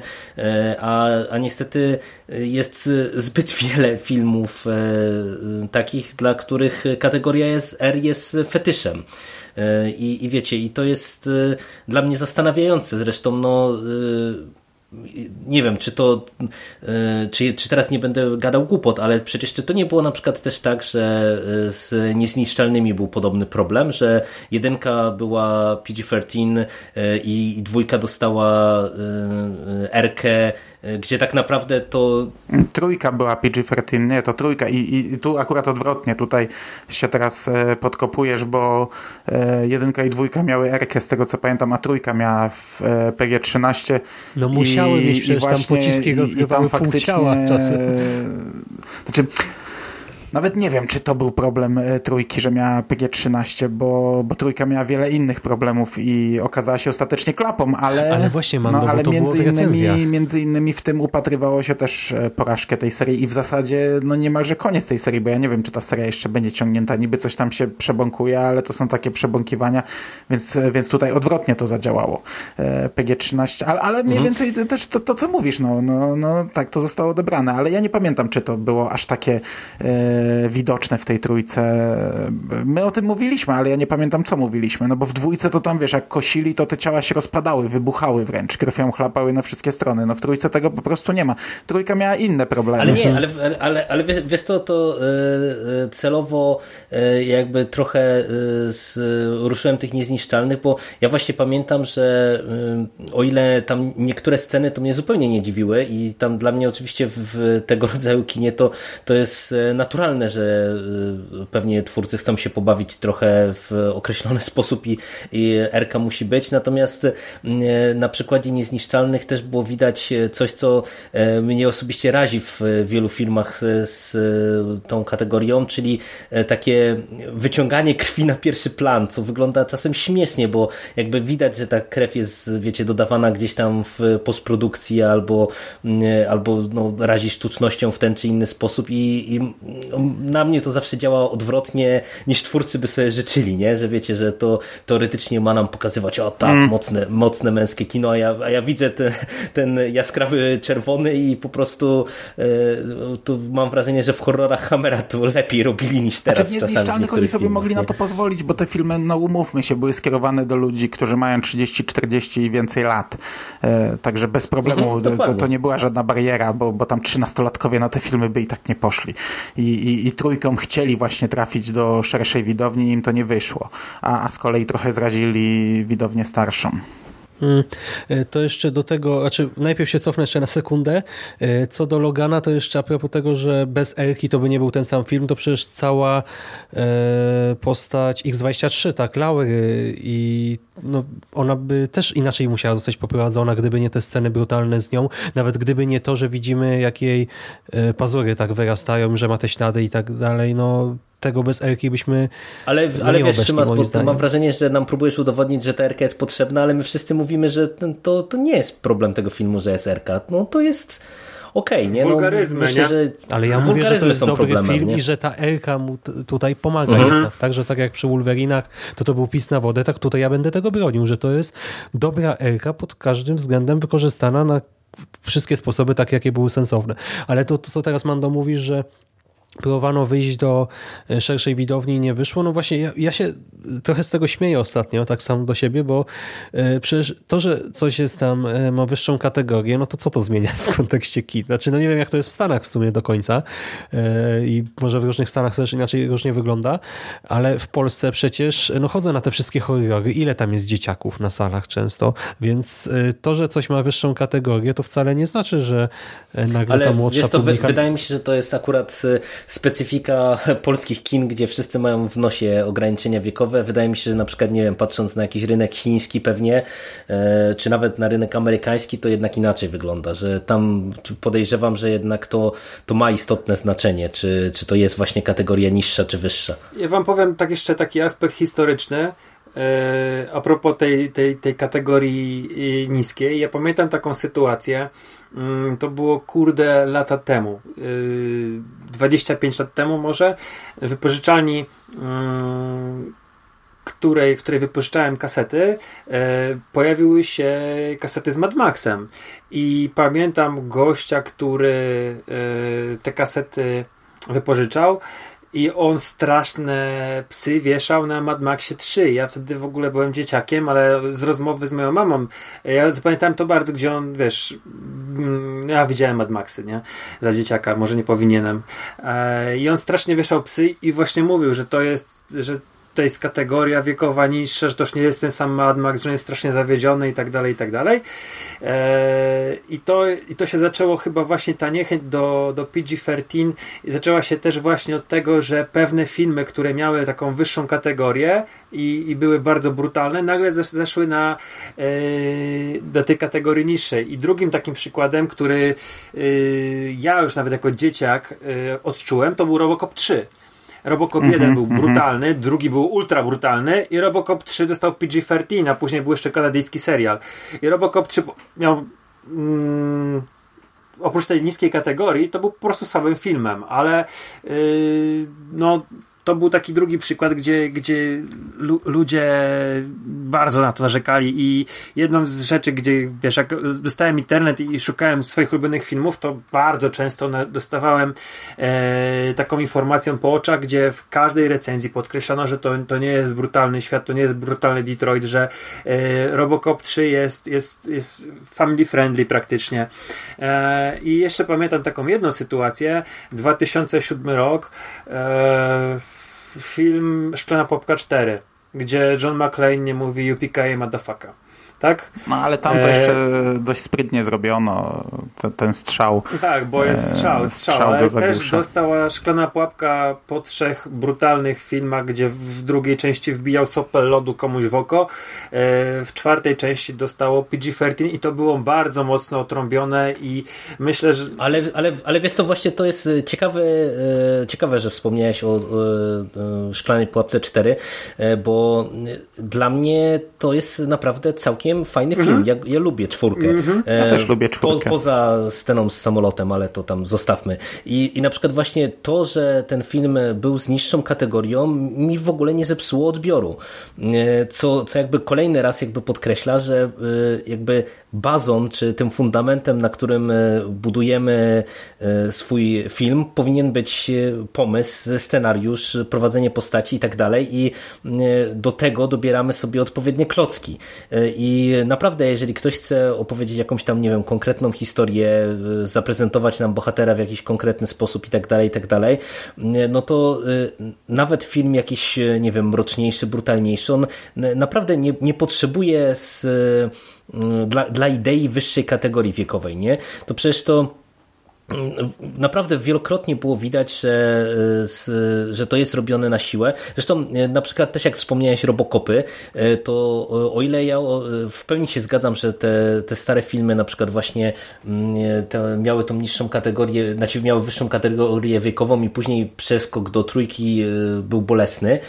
O tyle na przykład ja teraz mam nadzieję, że nie pieprzy głupot, to też ten remake ostatni, on też był z niższą kategorią wiekową z, z tego co pamiętam i też ludzie na to e, strasznie pluli, Mm, a y, ja obejrzałem ten remake i y, to nie jest jakiś specjalnie dobry film, ale bawiłem się nieźle i mnie tam wydaje mi spoko. się, że właśnie to był też przykład na to, że twórcy mieli pomysł jak zrobić ten remake i, i tam wcale ta jakaś taka ultra brutalność, którą znamy szczególnie z oryginału, no nie była potrzebna, nie? Akurat do opowiedzenia tej konkretnej historii, którą oni sobie tam postanowili opowiedzieć. Znaczy, ja ci, ja ci powiem, Sig, że ja, kurde, ja to dopiero w dorosłym życiu odczułem te, te, te przykłady, o których ty wspominasz, bo ty mówisz, że my może za dzieciaka nie powinniśmy oglądać Mad Maxa, ale my się załapaliśmy jeszcze na tę epokę, e, gdzie większości filmów nie powinniśmy oglądać. I ja, kurczę, pomimo tego, że wychowałem się na tym w dzieciństwie,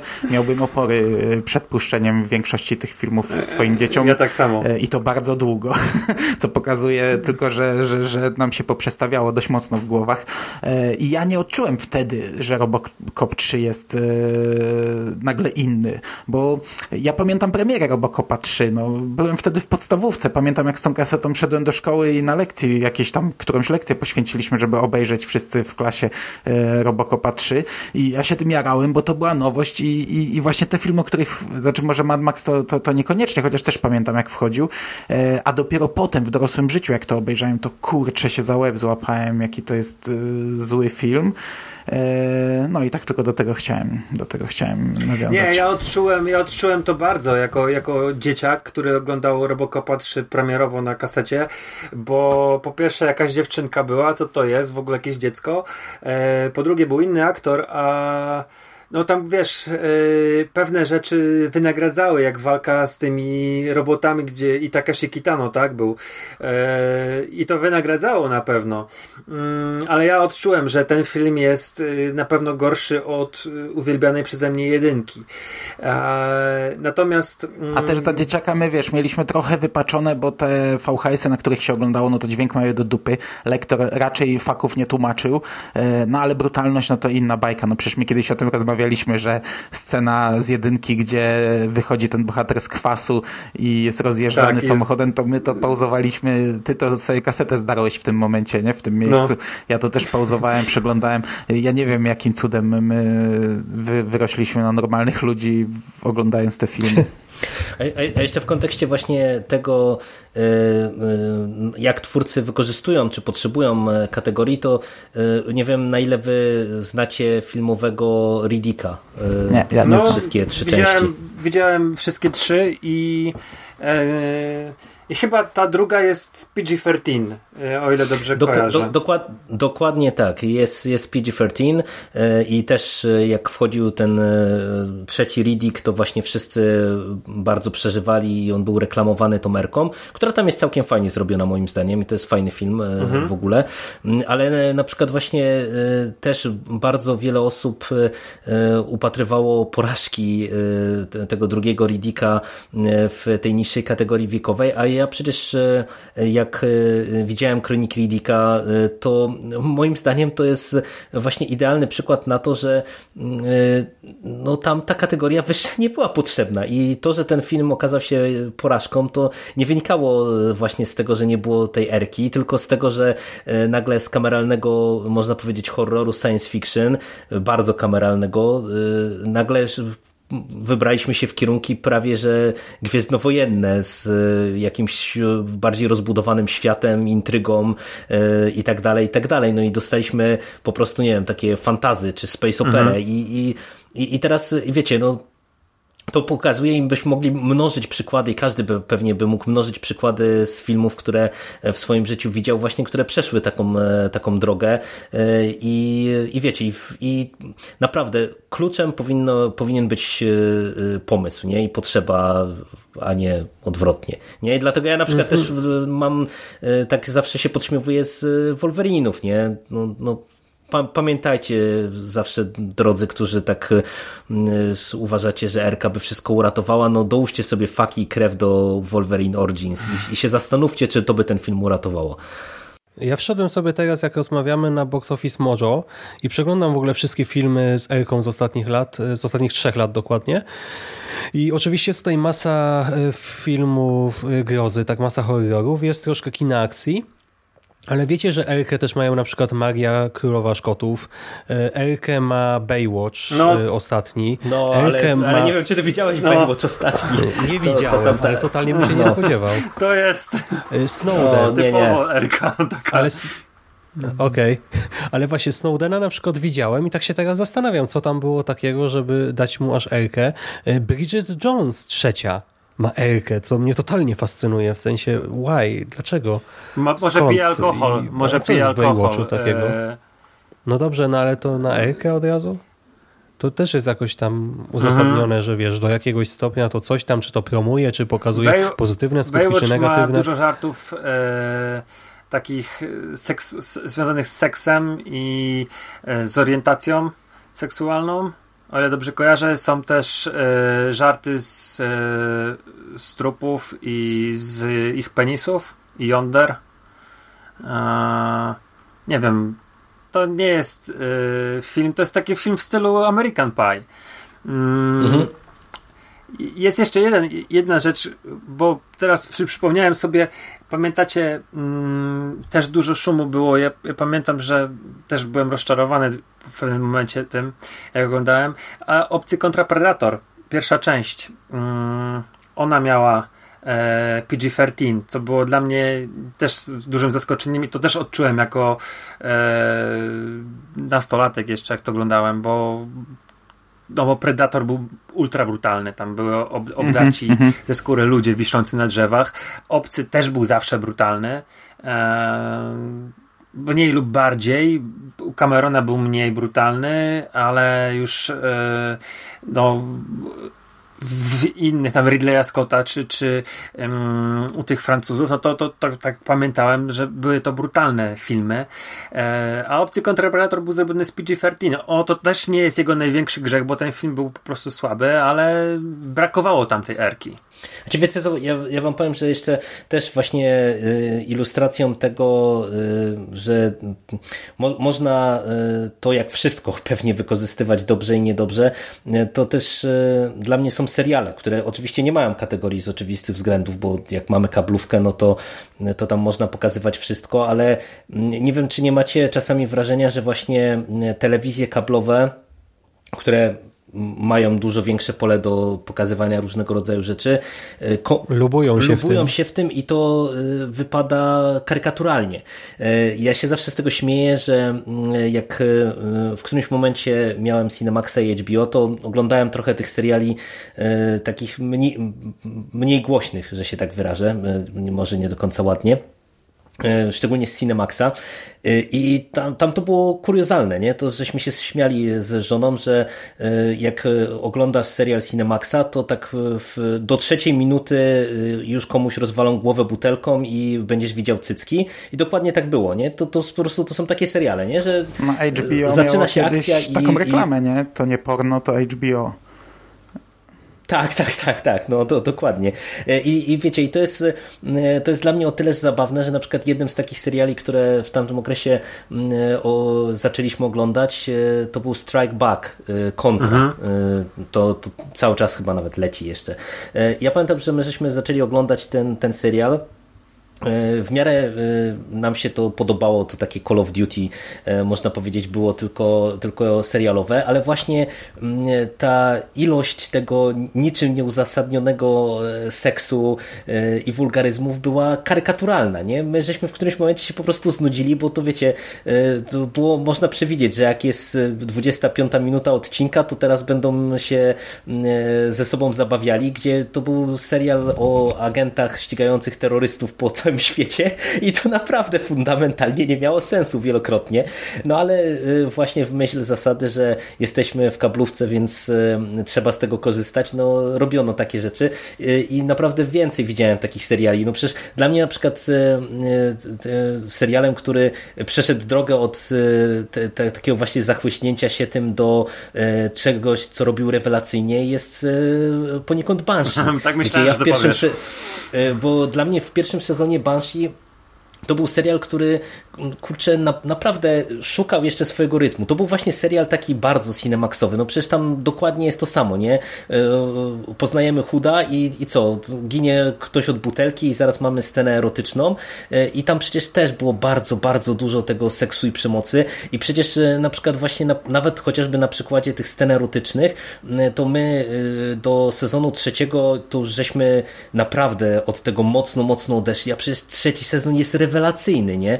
tam przemocy jest e, niesamowicie dużo, te, tej brutalności jest niesamowicie dużo, e, ale twórcy się jakby nauczyli łapać balans w tym wszystkim, nie? Żeby e, skupić się na historii, skupić się na bohaterach i jakby nie patować różnego rodzaju elementami, które mogą wykorzystywać tylko i wyłącznie dlatego, że można, no to się cieszmy, no, tak nie? Wiecie, jak, jest, jak no, dzieciaki, tak które się do, dorwały do kablówki, bo rodziców ale nie ma Banshee to też wielokrotnie dobrze robił, nie? No, niektóre nie no, bardzo walki, dobrze które robił, bardzo dobrze robił. pokazane Zdecydowanie. genialne. Ja, ja się z tym zgadzam. Czasami pokazują ile mogą, bo mogą, a ja jestem na przykład fanem w przypadku seriali e, tego, że kiedyś nie mogli i, i, kombinowali jak się da. Nawet w taki najprostszy sposób, wiesz, jak, jak science fiction to wprowadziło, czyli w Battlestar Galactica zaczęli mówić frak zamiast fak i tam też bardzo często mówili to frak, no i każdy wiedział, że to jest fak, a, a nikt im tego nie mógł zabronić, bo faki nie leciały, tylko leciały fraki. W tym świecie mówiło się frak, nie? E, to samo mieliśmy bardzo podobną zagrywkę w Firefly, gdzie po chińsku przeklinali i za każdym razem jak mówili po chińsku wiadomo było, że przeklinają i okej, okay, dobra, każdy sobie z tego zdawał sprawę. I, i, i ta, takie prościutkie, ale obejście tego. E, wspomniany przeze mnie The Shield, który rewelacyjnie sobie radził z tym, że nie mógł pokazać przemocy, a przecież to jest ultra brutalny serial, e, wielokrotnie taki, że ja e, mi się słabo robiło na niektórych scenach, e, gdzie nie było żadnej przemocy. Po prostu bohaterowie opowiedzieli mi o tym, co się stało.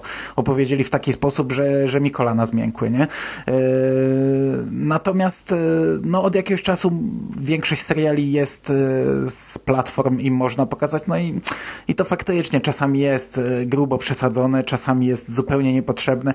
Ja ostatnio wam powiem, nie, próbowałem sobie przypomnieć, bo nagrywałem tę recenzję drugiego pana Mercedesa. Czy my o tym wspominaliśmy, pamiętacie, mówiąc o pilocie? Bo wydaje mi się, że to na plus dawaliśmy, a nie, a nie mogłem sobie przypomnieć a kurczę, w drugim sezonie ja już miałem dość, że za każdym razem jak się główny bohater odzywa, to, to przeklina. No on takim był po prostu bohaterem, ale z drugiej strony to w ogóle nie było dla mnie potrzebne i, i mi tej postaci nie definiowało w żaden sposób te przekleństwa, a, wręcz przeciwnie. Wydaje mi się, że kompletnie były tam niepotrzebne. Ale, ale też, no kurczę, trafiają się perełki, yy, które pokażą coś, czego nie można było pokazać. No chociażby ta walka z który to był sezon Banshee, co, co walczy no, trzeci, w trzecim trzeci, sezonie. No ten trzeci rewelacyjny e... sezon, o którym ja naprawdę mówię, że to jest e, to są wyżyny rozrywki telewizyjnej, jeżeli chodzi o mhm. ostatnie lata. Y, zgadzam się z tym, co powiedziałeś. Banshee jest super i tam są jeszcze atrakcyjne kobiety, więc te sceny seksu są jeszcze bardziej atrakcyjne.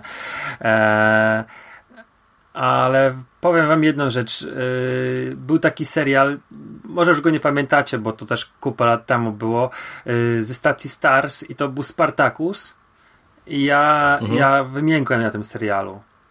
Jak mamy nie pamiętać, kurczę, bez No nie, bo może nie oglądaliście. Ja, ja, ja, znaczy ja nie oglądałem. Ja, nie oglądałem. ja wymiękłem na tym serialu. To był tak bezsensownie... Znaczy, ten serial się tylko opierał na chędożeniu i na bardzo krwawych scenach e, walki.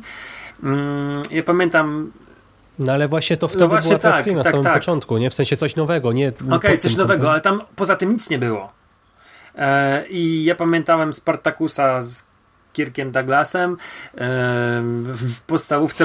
To miałeś, przeczytałem. Znaczy przeczytałem książkę też i jak obejrzałem tego, ja ją przebrnąłem chyba przez pierwszy sezon, dałem sobie spokój.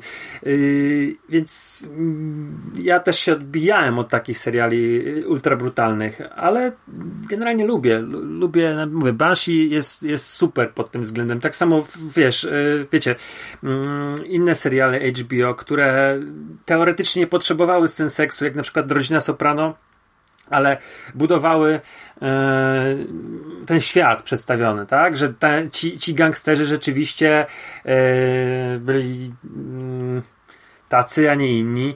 E, I no, są seriale, w, w których pasuje mi to, w, są takie, które totalnie poza tym nic nie mają, no tak jak wspominaliście. Ale właśnie to, co mówisz, Siku, że mimo wszystko dodałeś to, że lubisz to, nie? I my tak trochę nie, krytykujemy ja to, że ludzie się lubię rzucają. Erki. Ale właśnie, chodzi mi o to, że my się tak krytykujemy, że ludzie się rzucają na tę Erkę, ale powiem wam, że y, tak trzeba posypać czasem głowę popiołem, że też się na to łapie, łapie w jakiś sposób. Na przykład y, ostatnio robiłem te pierwsze wrażenia, nie? No i Thailands y, ma y, masę scen, znaczy, dobra, nie jest tego jakoś bardzo, bardzo dużo, tak? Ale jak na moje standardy oglądania seriali, to jest tego sporo. Właśnie scen seksu i dla mnie jeszcze w pierwszym epizodzie i w ogóle to czasami trochę służy pokazaniu tego, że tam część osób zamieszkujących świat przedstawiony właśnie powiązany związanych z z tymi z syrenami całymi, to, że to są jakieś, wiecie, piękne, cudowne stworzenia, wiecznie młode, o nieskazitelnej cerze i tak dalej. I pod tym kątem to się sprawdzało, ale tam na etapie, nie wiem, czwartego czy piątego odcinka, to jak się pojawiła scena seksu, która trwała dłużej niż tam, nie wiem, 10 sekund, to już tak sobie pomyślałem, kurczę, bez sensu trochę, tak po co tym zapychać ekran.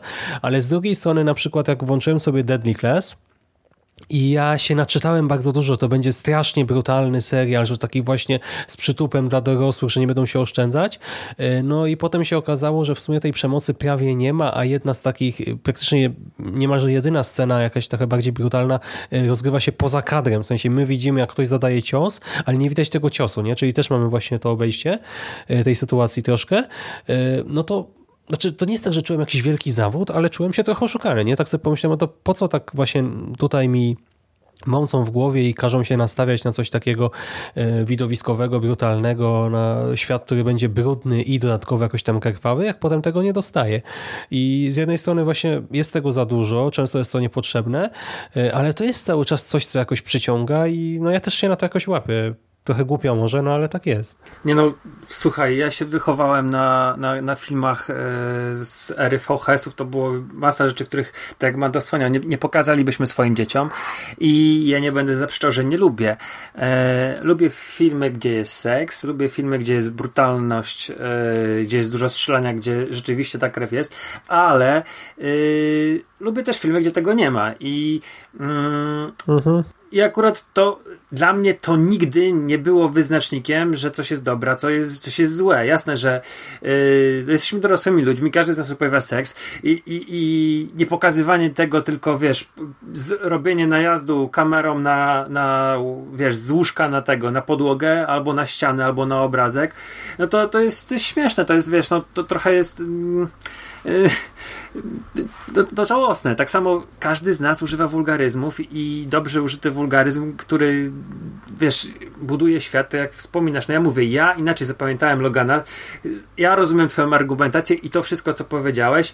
Jeżeli rzeczywiście, po prostu źle zapamiętałem, może też mi to nie grało, bo wcześniej Wolverine nie, nie bluźnił i ta, jakoś mi pasowały mi te wulgaryzmy, ale to wszystko, wiesz, jest, jest, jest okej, okay, no i, i nie oszukujmy się, no każdy z nas pewnie uwielbia Pulp Fiction. Może mam teraz powiedzieć, ja nie lubię Pulp Fiction, Mm, nie, ale nie? y, nie no, to żartuję, ale czasami tak robisz.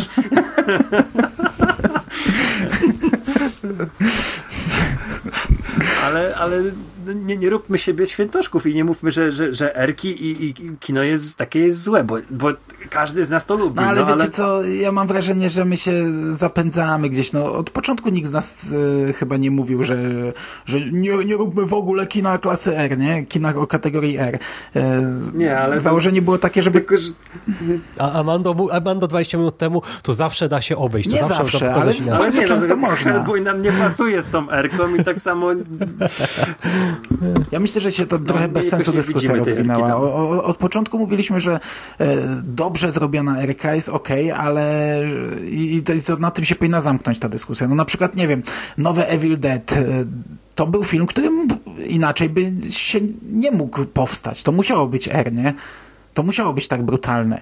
E, tego w tym przypadku by się nie obeszło, to by był inny film. Ale w wielu przypadkach można obejść. No, ale aktorka za to by nie musiała w wywiadach powiedzieć, że nigdy więcej nie weźmie udziału w takiej produkcji. O, to Wiecie co, piękne. bo ja naprawdę wydaje mi się, że będziemy tu krążyć bezsensownie i do niczego nie dojdziemy. Ja na sam koniec jeszcze tylko się tutaj e, poprawię. E, przypomniało mi się, gdy Jerry wspomniałeś o Wolverine Geneza, że raz się jednak śmiałem na drugim Deadpoolu e, na scenie po napisach. E, uważam, że była zabawna faktycznie, i, ale to nie miało związku z kategorią, No. tylko po prostu e, sobie, sobie Ryan Reynolds e, ponabijał się ze swoich wcześniejszych ról. Ale to jak e, też na, na koniec e, w sumie, bo myślę, że tutaj co do kategorii R to w zasadzie pewnie wyczerpaliśmy temat, to ja też dopowiem tylko, że mi się też drugi Deadpool w sumie nie podobał. I wychodziłem z kina rozczarowany, a im dalej od seansu, tym gorzej jeszcze oceniam ten film. I tak jak jedynkę widziałem już chyba z 5 czy 6 razy, i, bo miałem tak że w którymś momencie, że jak widziałem ją e, lecącą gdzieś tam na e, kanalu Plus w telewizji, to sobie zawsze odpalałem i, i wiecie, nawet fragmentami oglądałem ten film i za każdym razem mnie bawił tak samo, to nie, niestety uważam, że dwójka poległa. Ja mam podobne odczucia. Aczkolwiek X-Force i to jak został ich wątek rozwiązany mi się bardzo podobał, się śmiałem. No gdyby nie to, że zaorali to w trailerach, to też bym się pewnie A uśmiechnął. ja widzisz, ale... a ja nie widziałem trailerów żadnych z tym związanych, nie wiedziałem, że to zostanie tak zrobione i tak się nie śmiałem, po prostu patrzałem i nie wiedziałem, co się w tym, co ja oglądam i, i mnie to nie bawiło. Ten humor do mnie w ogóle nie trafił. No dla mnie dwójka jest gorsza od jedynki, ale no nie jestem aż tak krytyczny. Dla mnie, znaczy, tam jest też dużo elementów, które mi się podobały, więc, ale to już nagrałem recenzję, nie będę powtarzał, aż tylko tak dodam, e, bo e, Mateusz Skoczylas, który tam nam często coś komentuje też na Facebooku, właśnie ze mną o tym rozmawiał, on strasznie hejtuje pierwszego Deadpoola, potem poszedł na drugiego, czy też obejrzał go gdzieś na jakiejś platformie, czy coś i napisał mi, że właściwie mu się bardziej podobał, nie? Ja wtedy takim facepalma strzeliłem, no ale cóż. E, więc różne są gusta. No i dobra, no i chyba wyczerpaliśmy temat, więc e, będziemy kończyć. Tak. To co, dzięki za...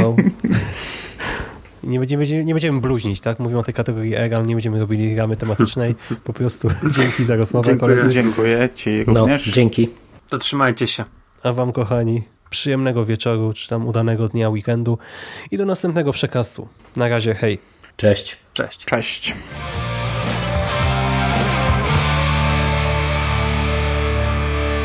You finished? That's it, man. It's game over, man. It's game over. What the fuck are we gonna do now? What are we gonna do?